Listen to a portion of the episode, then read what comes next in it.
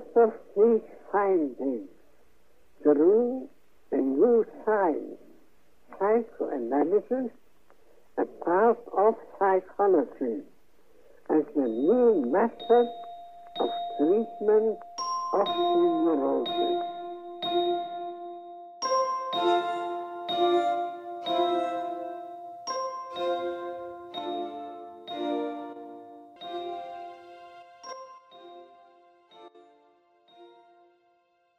Herkese merhaba. 22 Aralık tarihli psikanalize giriş konferansları atölyemize hoş geldiniz.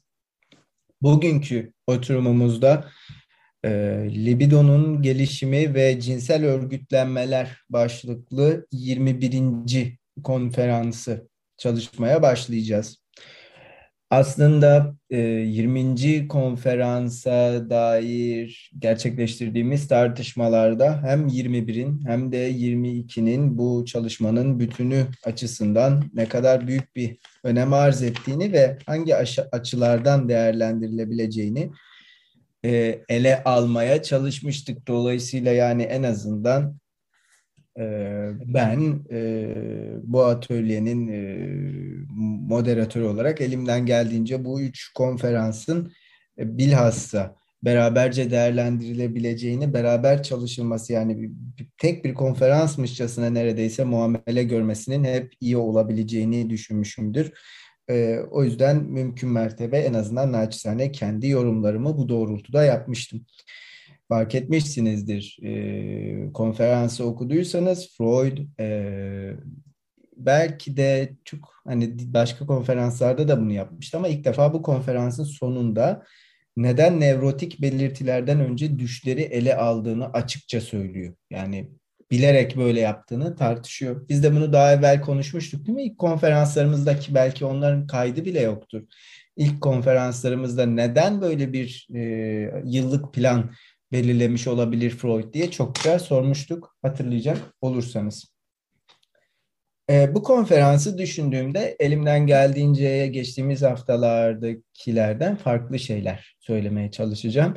Bu konferansı düşündüğümde aklıma bu e, birden yani Freud'un nazarında insana has olan ve birden fazla başlangıcı olan cinsellik e, cinselliğe ilişkin Freud'un kullandığı çeşitli metaforlar aklıma geliyor. Bazıları çok sık. Bunlardan ilkini geçtiğimiz oturumda konuşmuştuk hatırlayacaksınız. E, antropoloji meselesi değil mi? Freud birden fazla metninde değiniyordu. Kazılar, yap, an, antropoloji ve arkeoloji özür dilerim kazılar yapmaktan bahsediyordu Freud. Nerede? Hislerinin etiyolojisinde, nerede işte analizde inşalarda, uygarlığın huzursuzluğunun birinci kitabında vesaire. Önemli atıflar olduğunu naçizane beyan etmiştim. Ee, bir başka meselede e, tırnak içerisinde söylüyorum çiçeklenme, filizlenme sözcüğüdür değil mi? Eğer e, Tabii ki yaygın kullanılan bir fiil ama e, bu da geçtiğimiz gün işte e, Duzinas'ı dinlerken tam olarak bu fiilden bahsettiğinde ki orada da bir e, kuru, kuru yapılanma, kurulma derdi vardı. En azından konuşmasının başına böyle bir şeyden bahsediyordu Duzinas. Kullandığı kelime tam olarak çiçeklenmeye tekabül eden kelimeydi ki Freud da bunu işte e, bilhassa e, tırnak içerisinde latent dönemden bahsettiği anlarda dile getirir değil mi? Der ki örneğin bir çocuk dövülüyor da e, bir çocuk dövülüyor metni, başlıklı e, metninin metninde e, latent dönemden baş, bahsederken e, çocukluk cinselliğine atıfta bulunarak ama bu erken e, başlayan çiçeklenmenin ayazdan donduğu zamanlar da gelir der Freud. Tamam bir başka metaforda Freud'un sıklıkla kullandığı budur. Yani çiçeklenme metaforu sık sık kullanır. Yani bir fiil olarak cinselliğin iki başlangıçlılığından diyelim tırnak içerisinde bahsetmek için bunu yapar. Bir diğeri arkeoloji meselesidir vesaire. Bunlardan bahsetmemin sebebi şu. Ki bu meselenin Rümeysa'nın da ilgisini çektiğini biliyorum. Bu arada e, sizin nazarınızda Rümeysa'ya da desteği için çok teşekkür etmek istiyorum. Bugün yetişememe ihtimalim vardı ve bana bu konuda yardımcı olabileceğini beyan etti ve bugün için hazırlandığını da biliyorum. O yüzden e, onun hazırlığını da mümkün mertebe dinlemekten ben çok memnun olurum. Hani e, oturumdan önce konuştuk. Bu atölyeyi benim yürütmemi istedi. Doğrusunu söylemek gerekirse ben onun yapmasının daha doğru olacağına inanıyordum ama e, öyle uygun gördüğü için ben yapıyorum.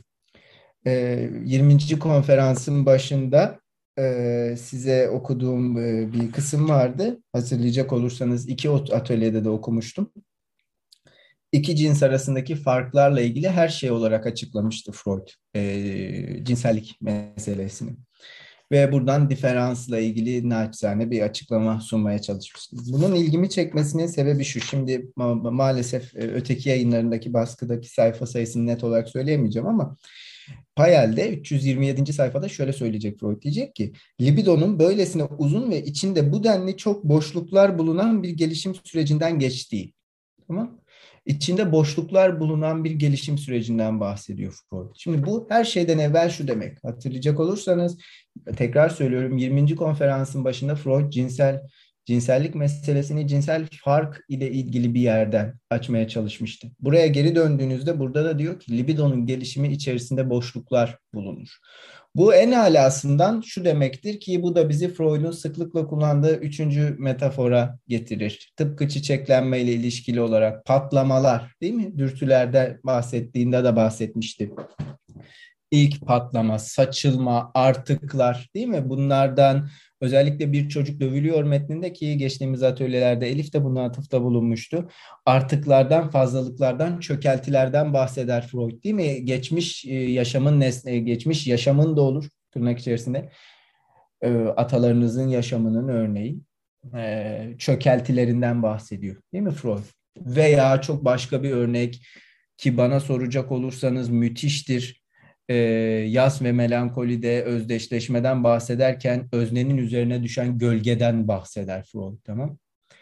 E, neden müthiştir diyorum? Çünkü haz ilkesinin ötesinde de e, bütün uygarlık gelişimini güneşe bağladığı için Freud sonra da özneyi, özne ve özdeşleşmeyi öznenin üzerine düşen gölge ile açıkladığı için ister istemez insan güneş üzerine biraz daha düşünüyor.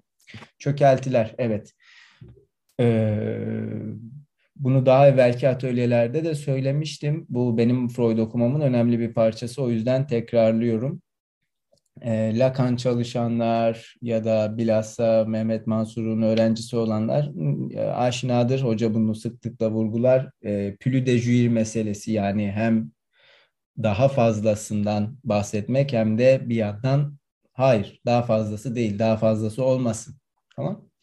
No more yani more ve no more. Plus de jure tam olarak bu. Plus de kısmı more ve no more anlamına gelir. Ee, bir, bir, bir, bir çeşit jouissance açıklaması ya da jouissance tanımı olduğunu düşünebilirsiniz. Yani bir fazladan, diğer bir yandan da bir hayırdan bahseden bir tanım bu.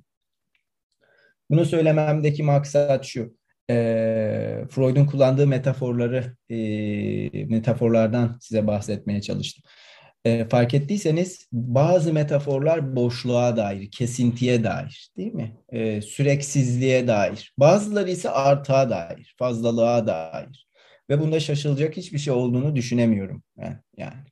Hem bir artı keyiften hem bir eksiklikten bahsediyor Freud. Dolayısıyla bu noktada da aynı nok aynı yerde olduğumuzu düşünüyorum. Yani eğer e, cinsel gelişim denen hadiseyi bir çeşit e, lineerlik ile düşünemiyorsanız yahut kesintiler varsa bunun içerisinde ama bu kesintilerden diğer bir yandan yani belki negatifi seviyesinde artıklar ile bahsedebiliyorsanız onları artıklardan müteşekkil kılabiliyorsanız örneğin değil mi?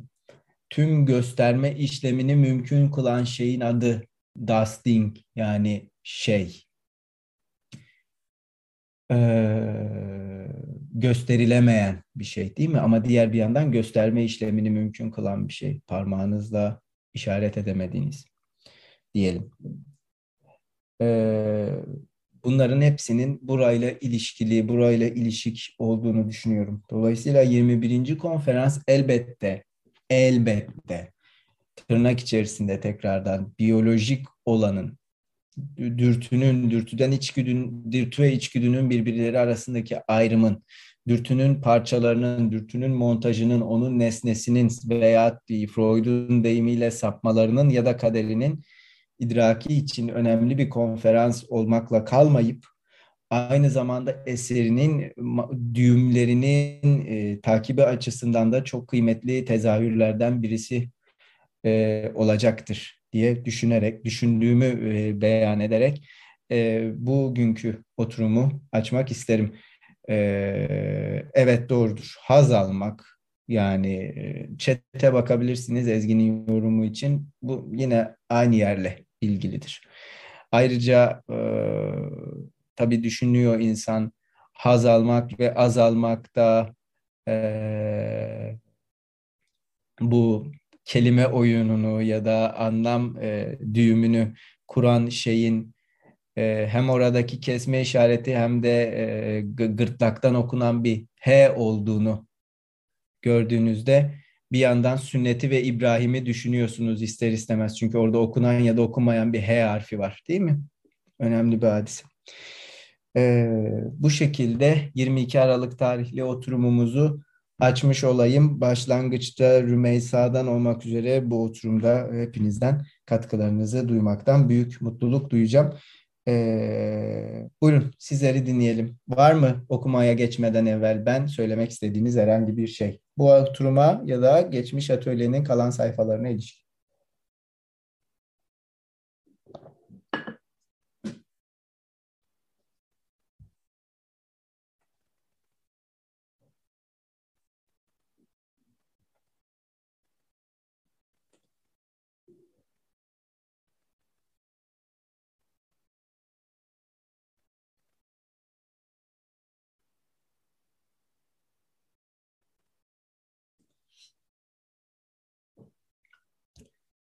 Yok gibi gözüküyor. Bu arada Umut'u İlker abi rahatsız etme. Geliyorsan atölyeye gel dedim. Susmuş ama atölyeye gelmemeyi tercih etmiş.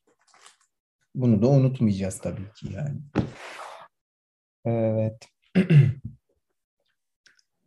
O halde müsaadenizle 21. konferansı e, ilk iki paragrafını okuyarak atölyeyi devam ettireyim. Tekrardan başlığı okuyalım. 21. konferans libidonun gelişimi ve cinsel örgütlenmeler başlığını taşıyor. Şöyle başlıyor Freud. Baylar, sapmaların cinsellik görüşümüz açısından taşıdığı önemi yeterince inandırıcı bir tarzda anlatamadığım izlenimini edindim. Bu nedenle söylediklerimi elimden geldiğince tamamlamak ve geliştirmek istiyorum. Bizi şimşekleri bu kadar çekmemize yol açan cinsellik kavramında bir değişiklik yapmaya zorlayan sadece sapmalar değildi. Çocuk cinselliğinin incelenmesi de bununla ilgiliydi ve bizim için belirleyici olan bu ikisi arasındaki çakışmaydı. Parantez içerisinde paralellikti. Ama çocukluğun sonraki dönemlerinde ne kadar şaşmaz olursa olsun Çocuk cinselliğinin dışa vurumları başlarda belirsizleşiyor gibi gözükmektedir. Bu dışa vurumların gelişim tarihini ve analitik bağlamını göz ardı edenler bunların cinsel yapısını inkar edecek ve bunun yerine farklandırılmamış bir özellik yükleyeceklerdir. Ne önemli bir cümle değil mi? Farklandırılmamış bir özellik üreme işlevleri işleviyle ilişkili dar kafalı olması nedeniyle reddedeceğimiz bir ölçütün dışında bu bir sürecin cinsel yapısı konusunda genellikle kabul gören bir ölçütten şimdilik yoksun olduğumuzu unutmayın.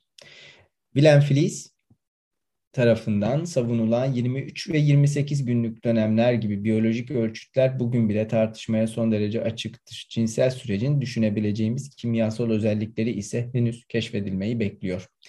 Öte yandan erişkinlerdeki cinsel sapmalar somut ve açık bir şeydir. Evrensel olarak bilinen isimlerinin de gösterdiği gibi bunların cinsel olduğu su götürmez bir gerçektir.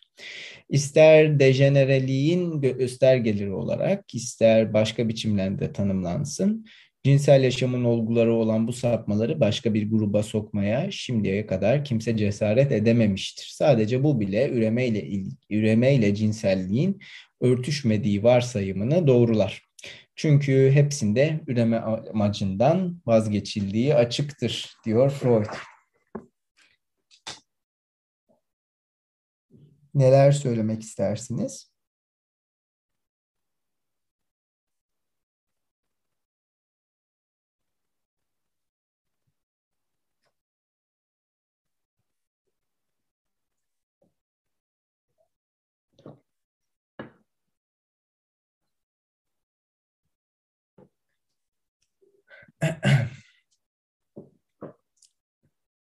önemli bazı ifadeler var değil mi? Mesela diyor ki Freud bir biraz tabii şey yapalım. Nedir ya? şey paraphrase edelim. Üniversitede olsak böyle söyle. Biraz paraphrase edecek olursak şimdi diyor ki yani hani e, öncelikle bir özellik bulmak istediler ve bu öyle bir özellik olacaklar olacaktı ki fark farkı iptal edecek bir özellik yani hani aslında bir daha evvel kullandığımız bir tabirle bir spektrum düşünecek olursanız bu spektrumdaki farklı görünümlerin birbirleriyle arasındaki farkı iptal edecek ya da hepsini kapsayacak bir özellik bulmaya çalıştılar ama bundan şu an için yoksunuz diyor Freud. Daha sonradan da bu bulunacak olursa buna açık olduğunu söylüyor açıkçası yani. Hani kimyasal bir buluş gelecek olursa Freud'da bu hep vardır. Bu bir biyolojiye ve kimyaya bir çeşit e, Deus ex machina muamelesi yapması yani. Hani böyle lak diye bir bulgu gelecek ve hani gerçekten de onun böyle açmaz dediği şeyi e, cevaplandıracak. Bunu beklemiştir ya da en azından buna açık olduğunu hep söylemiştir. Ama en azından şunu söylüyor. Yani eğer bu farkı iptal edecek bir açıklama varsa da gelebilir. Gelirse okey ama şu anda böyle bir durum yok gibi gözüküyor. Önemli olan ilk hadise bu gibi e, geliyor burada. Ee, ve de diyor ki yani ister dejenerasyon olarak kabul edin, isterseniz cinselliğe dahil edin. ve Başka bir çare yok. Bunları dağılmış, dağınık görünümler olarak ele almaya mecburuz. Ee, bir alternatif yolda düşünemiyoruz gibi gözüküyor diyor Freud e, en azından bu açılış satırlarında.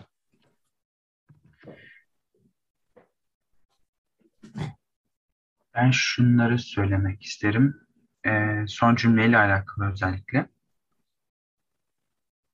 üremenin cinselliğiyle örtüşmediği ya da üreme amacından vazgeçme meselesi.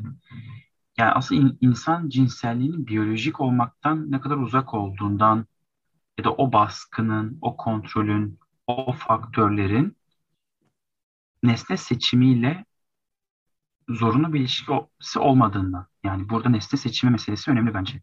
Yani e, biyolojinin buyurduğu değil hatta onu serbest yani insanın biyolojisi onu bu anlamda serbest tırnak içerisine bırakıyor. Yani ben bunları duyuyorum. Ee, üremeyle örtüşmemesi ya da doğrudan böyle bir amaç olmamasıyla alakalı bu nesne seçimiyle alakalı büyük bir e, şey. Ferahlık diyesim geldi ama bilmiyorum.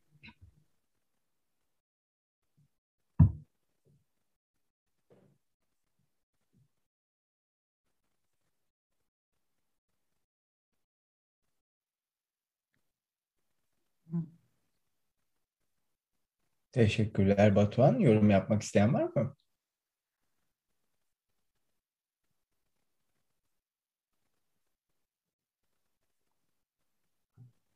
Ee, belki şöyle bir şey e, söyleyebilirim gibi. Bir yorum gibi ya da okuduğumu birleştiriyorum gibi. Üreme ile cinselliğin örtüşmediği varsayımı. Doğrular. Çünkü hepsinde üreme amacından vazgeçildiği açıktır. Sanki ilerlerde şöyle de dediğini hatırlıyor gibiyim. Aslında bir cinsellik var. Nesnesi değişmiş. Üre ama değişmesine rağmen bağlanacağı nokta öpüş, öpüşme örneğinde verdiği gibi üremeye yönelik bir sapkınlık durumunu da sapkınlık olarak kabul etmiyor gibi sanki Freud. En temelinde varacağı nokta üreme ise yapılan sapkınlıklar mübahtır der gibi sanki. Hmm. Böyle bir şey anladım yani.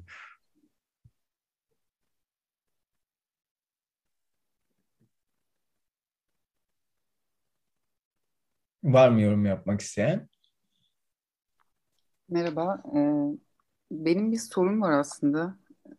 Bu Files'in bahsettiği 23 ve 28 günlük dönemler bir yerde daha geçiyordu ve bu kadın döngüsü, kadınların menstrual dön, döngüsüyle mi ilgiliydi hatırlamıyorum da. Ee, neydi acaba hatırlıyorsunuz? Ee, ben de şimdi baktım e, tam olarak neyi kastediyor diye. 28 günlük döngü için kadınların döngüsü diye bahsediyor. 23 günlük döngü için erkeklerin döngüsü. Biyoritimden bahsediyor aslında. Tam o biyolojik ölçütlere dair yaptığı bir şey. Hatta bu, bu adam aynı zamanda bu ölüm yaşam döngüsünün de bu döngü yani bu periyotlardaki bir şeyin içerisinde kaldığına inanıyormuş. Freud'un yakın arkadaşıymış. Ve evet hani bu kadınlarınki menstrual döngüyle meçliyor. Ee, ama erkeklerinki neye göre yapıyor ona dair bir şey bulamadım henüz. Bir yandan da bakmaya devam ediyorum ama evet tahmin ettiğiniz gibi. Teşekkürler. Bu bir yerde okumuştum hatırlamıyorum da hatta aralarında bir tür tartışmaya neden olduğu gibi bir şey vardı sanırım. E, metni hatırlamıyorum ama teşekkürler. Freud'la Filiz arasındaki şey kritik fikir ayrılıklarından birisi bu konudadır. Yani birisi çift cinselliğe ilişkin görüşleridir. Çünkü Filiz onu da e, anatomiye dayandırarak açıklamaya eğilimliyken Freud bu konuda pek ikna olmuş gibi değildir. Diğeri de bu konudur. Çünkü bu konuda da Freud e, yani cinselliğin tezahürleri ve biyolojik ritim konusunda da e, Filiz'le fikir gibi gözükmüyor. E, şey Pek evet birden fazla yerde okumuş olabilirsiniz. Ben de öyle hatırlıyorum. Bir tanesinin 52. mektup olduğunu düşünüyorum. Ee, orada bir bu konuya göndermesi olmalı diye hatırlıyorum ama evet hem fikir olabildikleri bir konu değil bu Freud ile Fliess'in. Çünkü şunu söylemekte fayda var mesela e, şey Rümeysa ritim deyince özellikle aklıma geldi. Mesela bu Başeler'in e, Sürenin Diyalektiğini okuduğumda Başeler kitap boyunca psikanalizden ve ritimden bahsediyor ama bir kere bile dürtülerin e, yapısından ve Freud'un metninden bahsetmemesi beni çok şaşırtmıştı. Çünkü Freud yani ritmi kabul edemez Freud dürtünün hareketinde. Yani ritmin karşısındadır hatta öyle söyleyeyim. Çünkü Freud için dürtünün ilk özelliği sürekli olmasıdır. Yani ilk özellik budur. Ve zaten bu sebep ile e, dürtünün e, ekonomisini Freud e, homeostasis içerisinden yani e, biyolojik ritmin e, tabi olduğu e, ekonomi içerisinden açıklayamaz. En azından buna sığmayan bir parça olduğunu görür. Çünkü der ki Freud dürtü süreklidir ve bastırmanın bununla sürekli başa çıkması gerekir ve mesele şudur. Bununla sürekli başa çıkmaya çalışmak psişe için çok maliyetli bir iştir. Ve bunu yapamayacaktır yani. Ve yapamadığı noktalarda bizim bilinç dışına dair kanıtlarımız var. Kesintiler ortaya çıkacaktır bu işte der Freud. Çünkü çok kolay bir şekilde der ki e, psişe bunun maliyetini karşılayamaz. Örneğin bunun maliyetini karşılayamadığı noktalarda ortaya çıkan şeyler nelerdir? Bir dil sürçmesi olabilir mesela. Ama bir espri de olabilir diyor Freud. Örneğin e, bastırma makalesinden bilirsiniz 1915'ten. O, ama espri konusunda tabii ki işin rengi biraz değişiyor. Çünkü esprinin kendisinin de Freud için bir maliyeti var. Dolayısıyla hani zaten e, maliyetli bir işi bırakıp başka bir maliyetli işe geçmek çok akıl kârı değil. Onu başka şekillerde açıklıyor hani. Ama evet ritim konusu Freud için önemli. Yani ee, en azından şunu söyleyelim, bu konuyu çok uzatmak istemem. Biraz daha derin bir filiz tartışması gerekir çünkü bunu konuşabilmemiz için ama e, ritim denen şeyden tekerrürü duyacaksak mesela e, Freud için e, en azından Freudcu bir e, temsil e, imkanında, tarih yazımında, ekonomide e, mükerrer bir gösterenden bahsedemezsiniz. Ha? Aile romansı e, semptomun mükerrer olduğu anlamına gelmez. Bu ritmin aksi olan bir şeydir. E, hatta hatta şunu söylemek mümkün. Tam olarak böyle atonal olan, tamam? E, hakim bir melodiye diyelim. Sığmayan, kulağı tırmalayan şeylerin e, kendisini verdiği anlarda biz e, bilinç dışının kanıtlarını ediniyoruz ve bu Freud'un ziyadesiyle önem verdiği bir şey. Diyelim şimdilik en azından.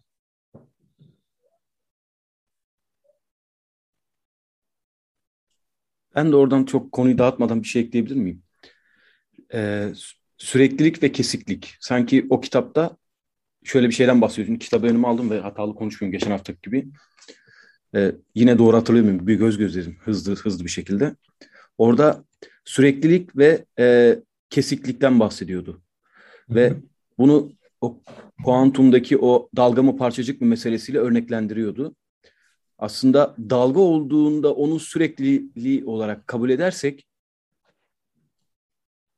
Bergson sürekliliği savunurken doğru hatırlıyorsam e, Başalar kesikliliği yani parçayı savunuyordu. Ama ritmin kendisini ifade edebilmek için eğer burayı doğru anladıysam parçacıklı olmanın ritminin kendisini ifade edebileceğini söylüyordu sanki.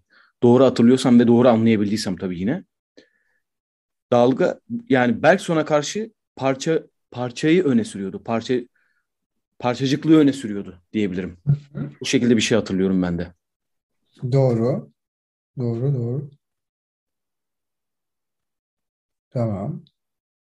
Burayla bağlayacak olursan ne söylemek istersin abi? Yani kesikli değil ama şimdi ritim girdi mi devreye biraz karışıyor gibi geldi bana. Çünkü o akım hep var gibi düşünüyorum. Ama onun e, bir ritmi var dersek başarılarcı bakmamız gerekecek. Ritmin bu e, dinamiği oluşturduğunu düşünebilirim belki. Ama diğer yandan sürekliliğin kendisinin dinamikliği olamaz mı ya da ritmi olamaz gibi mi diye düşündüm. Sürekli olan bir şeyin ritmi olabilir mi olamaz mı? Bu farklı noktalara gidiyor gibi sanki. Bağlayamadım gibi ama zor bir şey.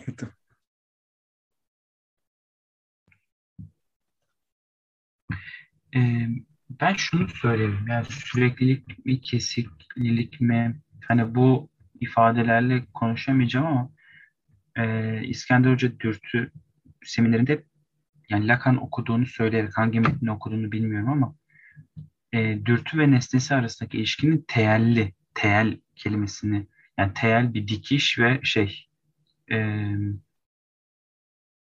kolayca çıkabilecek bir dikiş yani dikili ama yani hani elinize sökebilirsiniz şeklinde bir dikiş.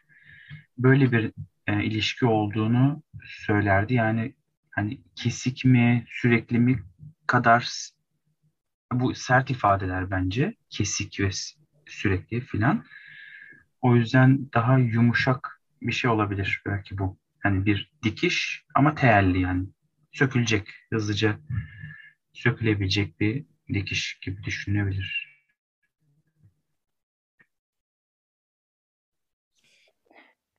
Ben kesik olan kesik olan ya da sürekli olan arasında bir e, tercihe gitmek e, geçen hafta konuştuğumuz üzere lineer olan ve tekerrür eden arasında bir tercihe gitmek kadar riskli. Ama şunu söylemek mümkün. Burada bu açmazı çözecek olan ya da meseleyi birazcık rahatlatacak olan şey şu.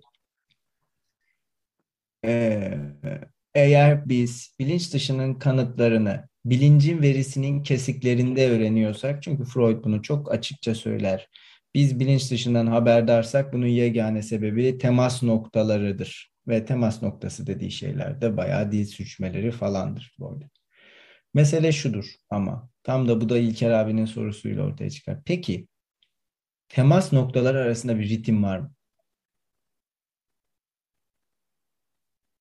Çünkü mesela benim en sevdiğim alıntılardan birisi şudur. Freud Dora'da der ki Dora'nın değişen semptomları çünkü birisinin birisi gidip diğeri gelir geliyor sürekli. Ferd Freud der ki eski şişeye yeni şarap konuyor sürekli der. Şimdi çünkü Dora'nın analizini okuyacak olursanız Freud'un orada sıklıkla çalıştığı meselelerden birisi şudur. Bir semptomun somatik kökenleri ve ona atfedilen psikik anlatı ve bu ikisi arasındaki e, nasıl desem alyans ya da mezalyans tamam yani dolayısıyla e, kesikleri üreten değil de kesiklerdeki tezahürler hakkında konuşmak ancak sanki e, ritim ya da e, kesinti ya da süreklilik arasında bir tercihe gitmeden bu meseleyi nasıl çalışabileceğimizin bir anahtarını belki belki belki sunuyor olabilir. Burada da işte zaten burada Freud'un yaptığı şey bu. Cinsel sapmaları çalışıyor burada değil mi? Bunların hepsi işte kesin, kesintide ortaya çıkan bir şeymiş gibi ele alıyor zaten Freud bunları.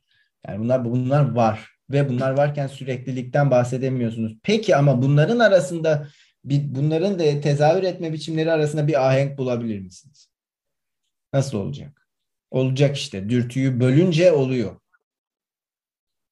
Ya bölecek çünkü yani.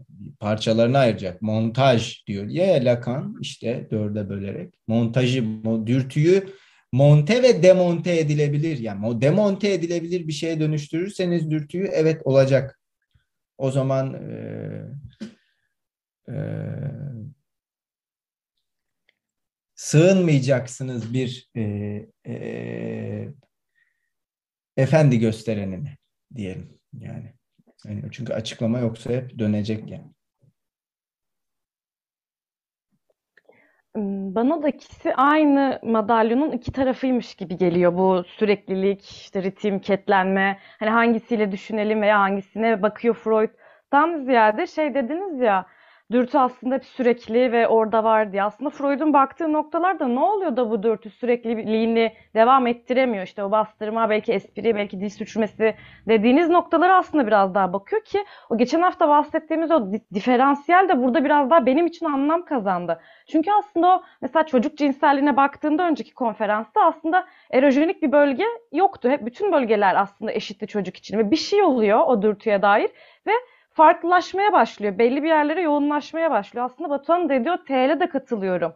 Çünkü madalyonun iki yüzü gibi yani hmm, ketlenmeye bakmak aslında yani o aradaki kesikliliğe belki bakmak aynı zamanda sürekliliği anlamaya dair de bir şey söylüyor oluyor. Veya sürekliliğe bakmak da işte belki hani eski şişe yeni şarabı koymak veya tekerrüre bakıyor olmak da aslında hem dürtüyle ilgili de bir şey veriyor oluyor. Ama ritim konusuna dair hmm, analizdeki ritme dair çok şeye katılamıyorum. Sürekliliğin ritmi olması gerekiyor mu? Ona da çok emin değilim. Çünkü ritim denildiği zaman aslında bir dışarıda bir nesne de gerekiyor oluyor. Ama Freud için bu biraz daha şey gibi içeride olan, psişe içinde olan bir şey olduğu için bütün bu deneyimler sanki ritim biraz daha iki kişiyle olan karşılıklı bir ritim hali gibi. Analizde de aslında divana yattığı zaman kişi terapist yani analist arkada kalıyor oluyor. O ritme dair bir fikri yok. Belki analist için bilmiyorum ama en azından analizden için öyle bir ritim yok. Ritim tamamıyla kendi içerisinde. Aslında o dürtü sürekliliğini sanki sağlam yani devam ettirmeye yönelik bir şey. O yüzden bir kendi içerisinde kalan bir ritmi var diyeceğim ama yine çok da şey olarak söylemiyorum emin bir yerden. Çünkü tamamıyla sanki süreklilik ve ketlenme gibi. İkisi de birbirinin diğer yüzüymüş gibi yani. Birinden bahsederken otomatikman ötekinden de bahsetmemiz lazımmış gibi olan bir yerden açıklıyor sanki Freud. Bir şey sorabilir miyim şeyden e, Rümeysa'ya? Ee, bu e, iki kişiye ihtiyaç var e, dediğiniz kısmı tam anlayamadım. Yani iki kişi olması lazım ritim için. Doğru mu anladım bilmiyorum. Hani ve e, işte divandan örnek verdiniz mesela. E, yani daha e, öznenin tamamen yani kendine dair bir yerden bir öteki olmadan e, bahsettiniz sanırım anladığım kadarıyla. Hı hı. Ya şöyle bir şeyden aslında bahsetmeye çalışıyorum. Bir işte çocuk yavrusu, insan yavrusu düşündüğümüzde bir öteki olmadığı zaman zaten ritimden bahsedemiyoruz ya da bahsedersek de o ritmi bozacak bir şey olmaması lazım kendi içerisinde. Ama bir öteki Freud bunu daha sonrasında zaten toplumsal işte şey diye o antropolojinin girdiği nokta işte hazzı geride bırakan toplumsal uygarlık geliyor olacak. Bir öteki aslında o ritmini oluşturmasını sağlıyor olacak. Ritim böyle olur diye toplumun dayatmasıyla birlikte sanki olacak. Sanırım Freud'un işte o divan tezahürü de biraz daha şey gibi o dürtüyü olabildiğince çık bırakıp aslında yani o sürekliliğini devam ettirmeye yönelik yaptığı bir şeymiş gibi. Ama dışarıdan bir müdahalesi yokmuş gibi. Yani ritim için sanki bir şey daha ihtiyaç var. Bir ele daha yani. yani tek elle alkış tutmaya benziyor gibi bir yerden anlat. Yani ben öyle canlandırdım zihnimde bu bütün bu süreci. Ama şöyle de bir şey aynı zamanda. Ee, şimdi özneyi düşündüğümüzde öznenin o kurulu kurulumundaki bir diyalektik var. O e, Lacan'dan düşünecek olursak. Ee, özdeşleşme ve yabancılaşma o diyalektiyle birlikte o öznenin kuruluşu gerçekleşiyor. Ee, burada e, özne aslında hani Lacan'ın o sık sık tekrarladığı öznenin arzusu, insanın arzusu, ötekinin arzusudur e, dediği şeyde aslında bu Freud'da da e, yani geri dönecek olursak Freud'da da bu bunun e, temeline dair bir şey bulmak mümkün. Çünkü bunu birkaç oturum önceydi galiba dürtüye dair konuştuğumuz yerde aslında sinir sisteminin yetmediği, yetersiz kaldığı e, gibi bir yerde tam cümlesini hatırlamıyorum ama özne sonuçta nesnesini dışarıda arar. Yani e, bu ritim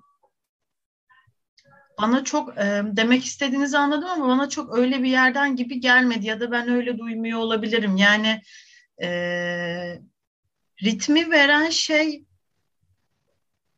ya burada bir ötekinden e, bağımsız ba- e, konuşamayız gibi geliyor. Divanda olmak da öyle. Yani Evet katılıyorum bu arada. Ötekinden geliyor ritim.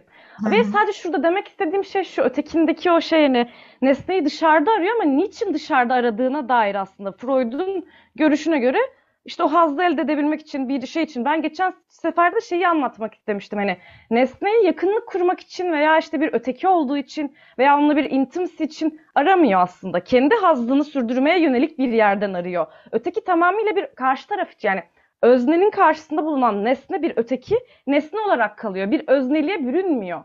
İki özne bir arada bulunmuyor Freud için.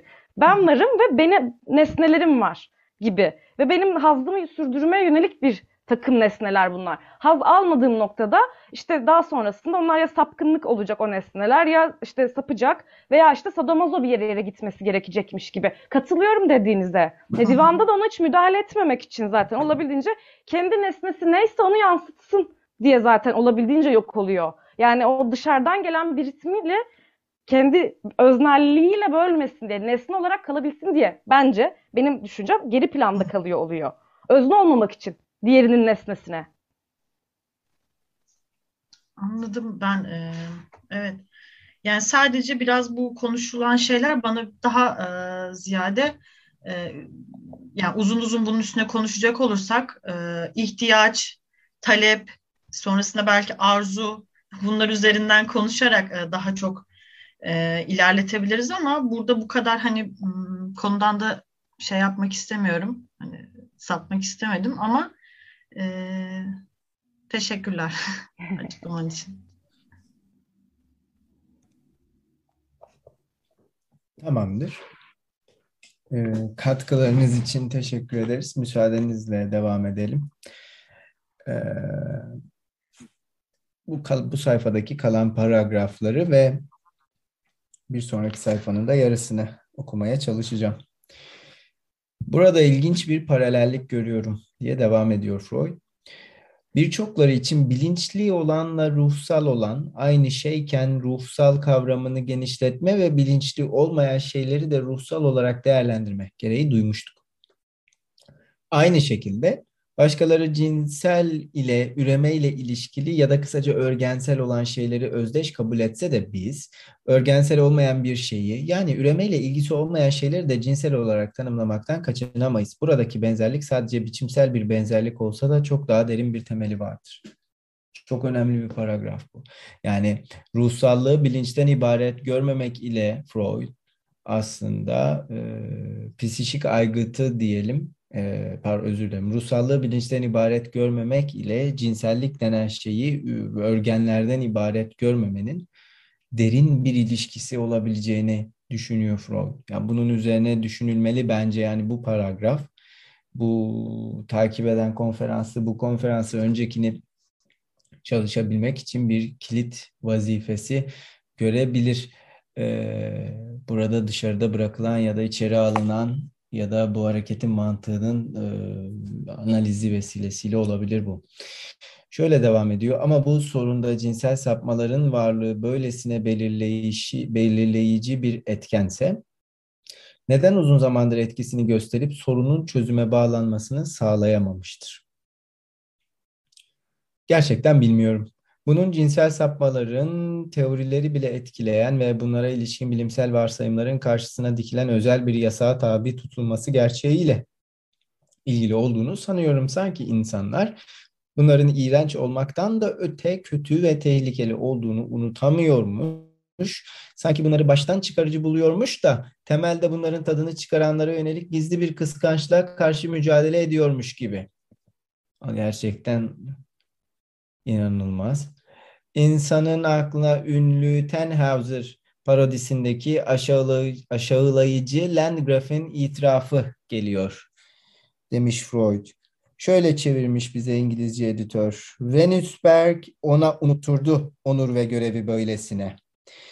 Tuhaf şey bunların bizim gibi insanlara olmaması.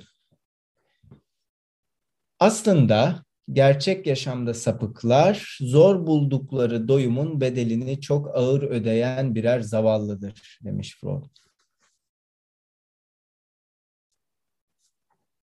Bedel ödüyorlarmış nesnelerinin ve amaçlarının olanca tuhaflığına rağmen sapıkların etkinliklerini şaşmaz bir şekilde cinsel kılan şey kural olarak sapıkça bir doyum eyleminin tam bir orgazmla ve örgensel boşla, boşalmayla sonuçlanması gerçeğidir. Bu elbette erişkinlerde ortaya çıkan bir sonuçtur. Çocuklarda orgazm ve örgensel boşalma pek mümkün değildir. Pek mümkün değildir. Onlarda bunun yerini cinsel olarak algılanmayan bazı ipuçları alır demiş Freud. Yani imkansız değil diyor. Zor buldukları doyumun bedelini çok ağır ödeyenler. Şeyde tam kitabı hatırlayamadığım için bağışlayın lütfen. Muhtemelen sahnenin dışındakilerde yani Tanpınar'ın biliyorsunuz üçlemesindeki eserlerden bir tanesidir. Bir e, sapkın bir karakter vardı. Çok uzun zaman oldu okuyalı. E, affınıza sığınıyorum ismini ve meselenin özünü hatırlayamadığım için. E, onunla karşılaşan kişinin e, mümtaz olup olmadığından da emin değilim. Galiba mümtaz değil tarih aralığını düşünecek olursak. Neyse.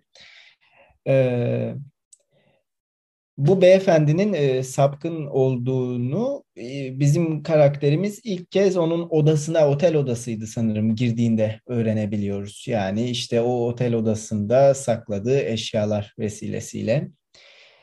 E, e tabii artık o noktada gizlenebilecek hiçbir şey yok. Odaya girdiğiniz anda anlıyorsunuz. E, bir sessizlik oluyor, konuşulmuyor vesaire. Sonra işte e, sohbet devam ediyor gibi bir şey oluyor ama bizim karakterimizin sesi titriyor. Ve tırnak içerisinde sapkın karakter de şöyle söylüyor. Keşke sesin titremeseydi. Şimdi bu bedelin ağır ödenmesiyle ilgili mesele önemli. Yani hani e, şu yüzden önemli Tıpkı e, psikozda olduğu gibi e, sapkınlıkta da bu ağır ödenen bedele rağmen alınan keyif bir çeşit e, tırnak içerisinde strateji olarak da okunabilir mi diye hemen insanın aklına geliyor değil mi? Yani hani bedeli ne olursa olsun yapmak gibi. E, ama diğer bir yandan da e, mesele şuraya gidiyor bunu başka bir atölyede konuşmuştuk. İnsan antigoneci olabilir mi? Yani hani anlatabiliyor muyum ne söylemek istediğimi? Bu pozisyon, heh, Suat olabilir. E, olabilir Suat olabilir. Evet hocam hatırlayamadım kusura bakmayın. Ee, bu pozisyonu e, nasıl işgal edebilirsiniz? E, dolayısıyla e, daha evvelki okumalarda da söylemiştim. Bir başka metafordan bahsedeyim. Yine az önce söylediğim gibi Freud'un kullandığı. E, bu arada e, e, konuşmaları durdurayım. İlker abi Kürklü Venüs'ü hatırlatmış. E, Leyla hocam da benim edebiyat atfımı düzeltmiş. İyi oldu ikisi de. Teşekkür ediyoruz ikisine de. E, şey, bir diğer örnek, daha evvel 5 konferanstan da bahsetmiştim. Orada Freud'un kullandığı şey bir nehir yatağı ve o nehrin aktığı nasıl desem yataktır yani hani dallarıdır diyelim. Çoğaldığı, arttığı yerlerdir veya taştığı yerlerdir ya da kuruduğu yerlerdir Freud için tamam. Ee, ve Freud bu noktada hani şimdi burada özellikle bahsettim e, dedi ki bize yani acaba burada fark meselesini iptal edebilecek miyiz? Yani hani bütün bu tezahürlere yayabileceğimiz bir açıklama geliştirebilecek miyiz?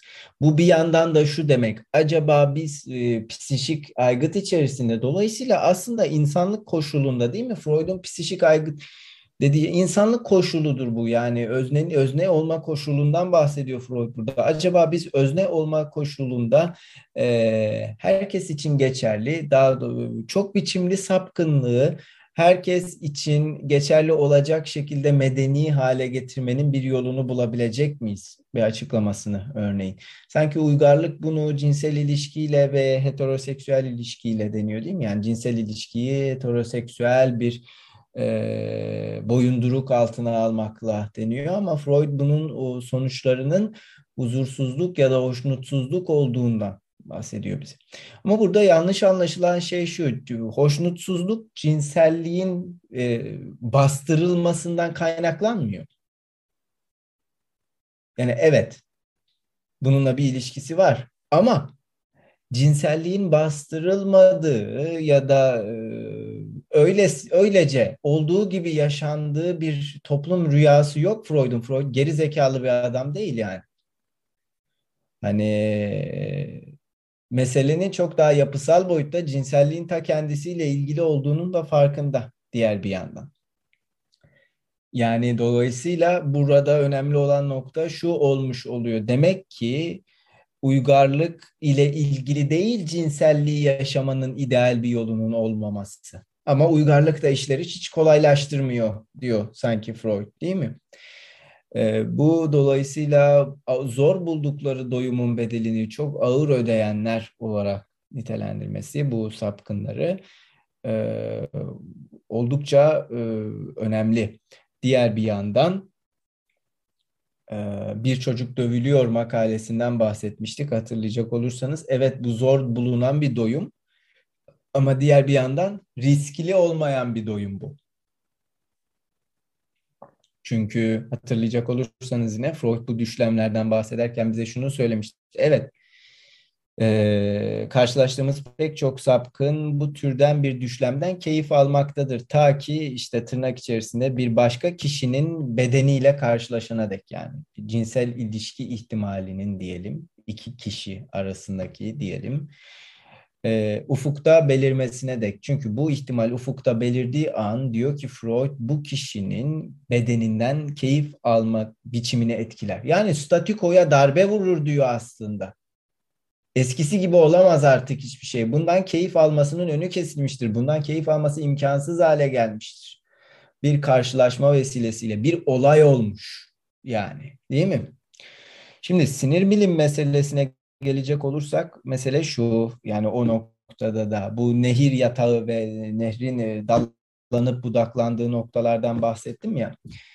Ee, Freud en başından itibaren ya bununla ilgileniyor. Yani sinir e, hücreleri arasındaki e, güçlendirmeler ya da kolaylaştırmalar ile ilgilenmesinin bazı bağlantıların kullanıldıkça nasıl kuvvetlendiğinden ya da bir yatırımın ya da bir e, elektriksel akımın aşırılığının sinir sisteminin yapısı içerisinde nasıl ehil hale getirilebileceğinden, nasıl dağıtılabileceğinden, bunun dağıtılabilip dağıtılamayacağından bahsetmesinin sebepleri hep bununla ilişkili. Aynı şekilde formüle ettiği bir soru bu. Ben baktığım zaman bir fark göremiyorum. Yani bu arada konusu açılmışken bahsetmek isterim. Projenin çevirisinin bitmesine bir sayfa kaldı. Muhtemelen bu atölyeden sonra bitireceğim yani öyle gözüküyor. Ee, aynı yerden soruyor soruyu. Bu dağıtılabilir bir artık mı? Dağıtılamaz bir artık ise o zaman bu meselenin yapısının kendisinden kaynaklanıyor olabilir mi? Gibi sorular soruyor Freud. Yani o yüzden e, tekrar söylüyorum biraz uzun tuttuğum için kusura bakmayın. Boşuna değil Freud az önce ruhsal olanı bilinçliyle üst ruhsallığın bilinçli olanla üst üste bindirilemeyecek olmasını cinsel olanın e, cinsel ilişkiyle e, üst üste bindirilemeyecek olmasıyla beraber okuması bir tesadüf değil. Bunu bilerek yaptığı çok açık ve nereden geldiğini soracak olursanız da tam olarak buradan geliyor işte. Bir ideal bulmakla ilgili değil. Yani sizi temin ederim ki e, eğer Freud'da Freud'un topografisinde kavraması güç olanın bilinç dışı olduğunu düşünüyorsanız Yemin ederim ki size bilinç çok daha zordur. Bilinçten bahsetme biçimi Freud'un çok daha güçtür. Neyden bahsettiği o kadar zor ve anlaşılmaz ki yani. Burada bu anlaşılıyor işte. Freud'un bize bir bilinç makalesi bırakması gerekirdi. Bunun için ona kızgın olabiliriz. Hakkımız var buna. Yani.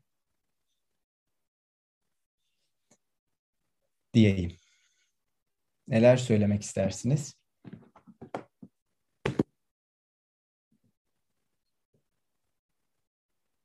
Çünkü bilinç yani burada durmak çok zor. Çünkü bilinç makalesi etik tartışacaktı. Çünkü bilinç makalesi yargı tartışacaktı. Tartışmak zorunda kalacaktı.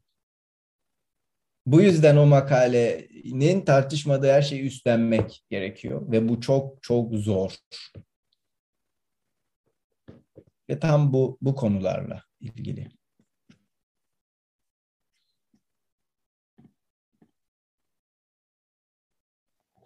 Ben bir şey sorabilir miyim herkese? Ee, şöyle duyuyorum çünkü bu okuduğumuz paragrafları. Şey demiş yani nesnelerin ve amaçlarının olanca tuhaflığına rağmen sapıkların etkinliklerinin şaşmaz bir şekilde cinsel kılan şey diye. Ve ondan hemen önceki paragrafta da hani diğerleri normal olanlar sapıkların yaşadığı hayata da hani böyle ilgi duyuyor. Hani bunların tadını çıkaranlara yönelik gizli bir kıskançlığa karşı mücadele ediyorlar demiş ya. Sanki onu cinsel kılan şey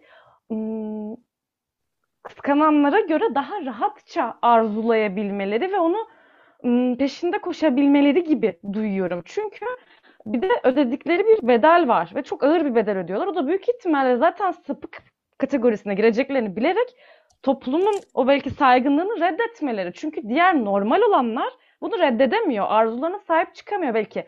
Hani Freud'un betimlemesinde vahşi bir şey ya arzu ya ve onun ehlileştirilmesi gerekiyor toplum tarafından. Onlar ehlileştirilmişken normal olanlar sanki sapıklar onu ehlileştirmeye yönelik bir şey yapmıyormuş gibi. O yüzden ya da yaptıkları şey çok daha cinsel, daha libidinal bir yerde de kıskançlığa yol açıyormuş gibi. Ben zannetmiyorum ki normallerin gidip sapığın bir şeyine ilgi duyduğunu ama onun ilgi duyabilmesine ilgi duyuyor sanki. Ben buradaki bu paragraflardan böyle bir çıkarım yapıyorum. Çünkü ödediği bedel de toplumsal bir bedel gibi duruyor sanki. Bundan çok emin değilim ama böyle duydum. Onu bir hem sormak hem bir paylaşmak istedim.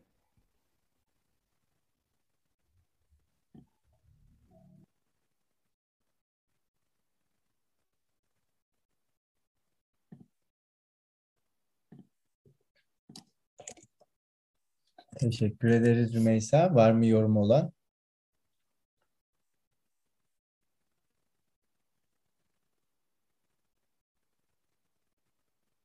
Ben açıkçası Sapkın'ın peşinden gittiği şeyin arzusu olduğuna emin olamadım. Ya da arzudan ne anlıyoruz meselesi çok karışık ya zaten. Ee, yani en azından Lacan'ın 7. seminerindeki peşinden gidin dediği arzu böyle bir şey olması gerektiğini düşünüyorum. Lacan'a yakıştıramadım falan diyor. Peki nasıl bir şey olsa gerek? Yani arzuyu çoğu zaman zaten yasa diye, yasayı da arzu diye duyarsak ve işte Kant ile Seyit makalesindeki arzuyu da düşünüyorum. Yedinci seminerdeki arzuyu düşünüyorum.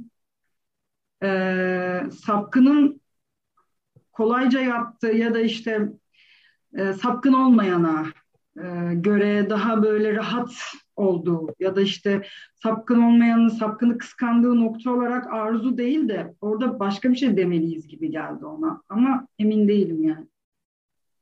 Fikir yürütüyorum. Anladığım şeyler üzerinden fikir yürütüyorum. Okuduğum şeyler üzerinden diyeyim ya da duyduğum şeyler üzerinden. Ya yasa demen çok anlamlı oldu çünkü şöyle bir belki bir örnek daha verebilirim. Aklıma benim de gelen karşısında çağrışım. Sanki o işte sapkınlar o yasayı delen arzularının peşinden giden bir şeymiş gibi. Yasa aslında arzunun olabildiğince canımızın istediğince yaşamasını engelleyen bir şey. Bir otorite. Belki şey işte o baba figürü. Neyse artık o büyük şey yasa, kural koyan şey, arzuyu engelleyen, kitleyen bir şey. Ve sanki işte normal olan da o yasa delinip geçilemiyor. Çünkü toplumun yasası neyse artık. Ama sanki bu sapıklarda, sapkınlarda öyle bir şey yok. Ne demek hani hem normalin dışında bir şey yapıyorlar hem de bunu göstererek yapıyorlar. Yasayı aslında ezip geçen, otoriteyi ezip geçen bir şey. Ve sanki işte sapık olmayanların arzuladığı şey de bu. Otoriteyi ezip geçmek sanki o dürtünün ketlenmiş dürtüyü açmak. Ne vahşi bir şekilde e, yaşamak o arzuları gibi duyuyorum. Tam da yasa demen çok anlamlı oldu o yüzden. Ama ben yasayı tam tersi bir yerden söylüyorum. Yani yasayı zaten arzunun öbür yüzü olarak söylüyorum. Bir bozuk paranın iki farklı yüzü ama aynı yüzü. Yani nasıl diyeyim? Ee, arzu ve yasanın aynı şey olduğuna dair bir şey söylüyorum aslında. Şimdi bunu daha önce çok tartıştık. Hatta İlker'le bayağı tartıştık. Tekrar tartışmak istemem ama hani e, arzu ve yasanın aslında çoğu zaman aynı şey olduğuna dair. İşte ya da ne bileyim Lacan her arzu dediğinde aslında yasadan, her yasa dediğinde acaba arzudan bahsediyordu diye soru geliyor aklıma bu tartışmalar yapınca. O yüzden sapkın yasayı delince arzusunun peşinden mi gitmiş oluyor? Ben bundan emin olamadım. Gittiği şeyin ne olduğundan tam şey yapamadım. Belki bunu diğer arkadaşlar daha iyi şey yapar, cevaplar. Ya da sen haklısındır bilmiyorum. Ben size daha iyi bir şey söyleyeyim mi şimdi? Freud burada kıskançlık demiyor, haset diyor. İstediğiniz gibi okuyabilirsiniz. Size bırakıyorum. Buyurun. Kolay gelsin. Çok daha iyi. Şey evet. soracaktım e, sadece Ezgi'nin söylediğine isnaden. O zaman yasa ve arzuyu böyle bir yere koyduğunda Ezgi arzuyu sen simgesel bir yerden mi sadece yani bu e, simgesele dair bir şey gibi o zaman arzu senin anlat söylediğin şekilde olunca. Sinirsel, endojen sıvı falan bu kelimeleri zaten asla hiçbir tartışmada duymuyorum ve anlamıyorum. Simgesel dedim. Nasıl?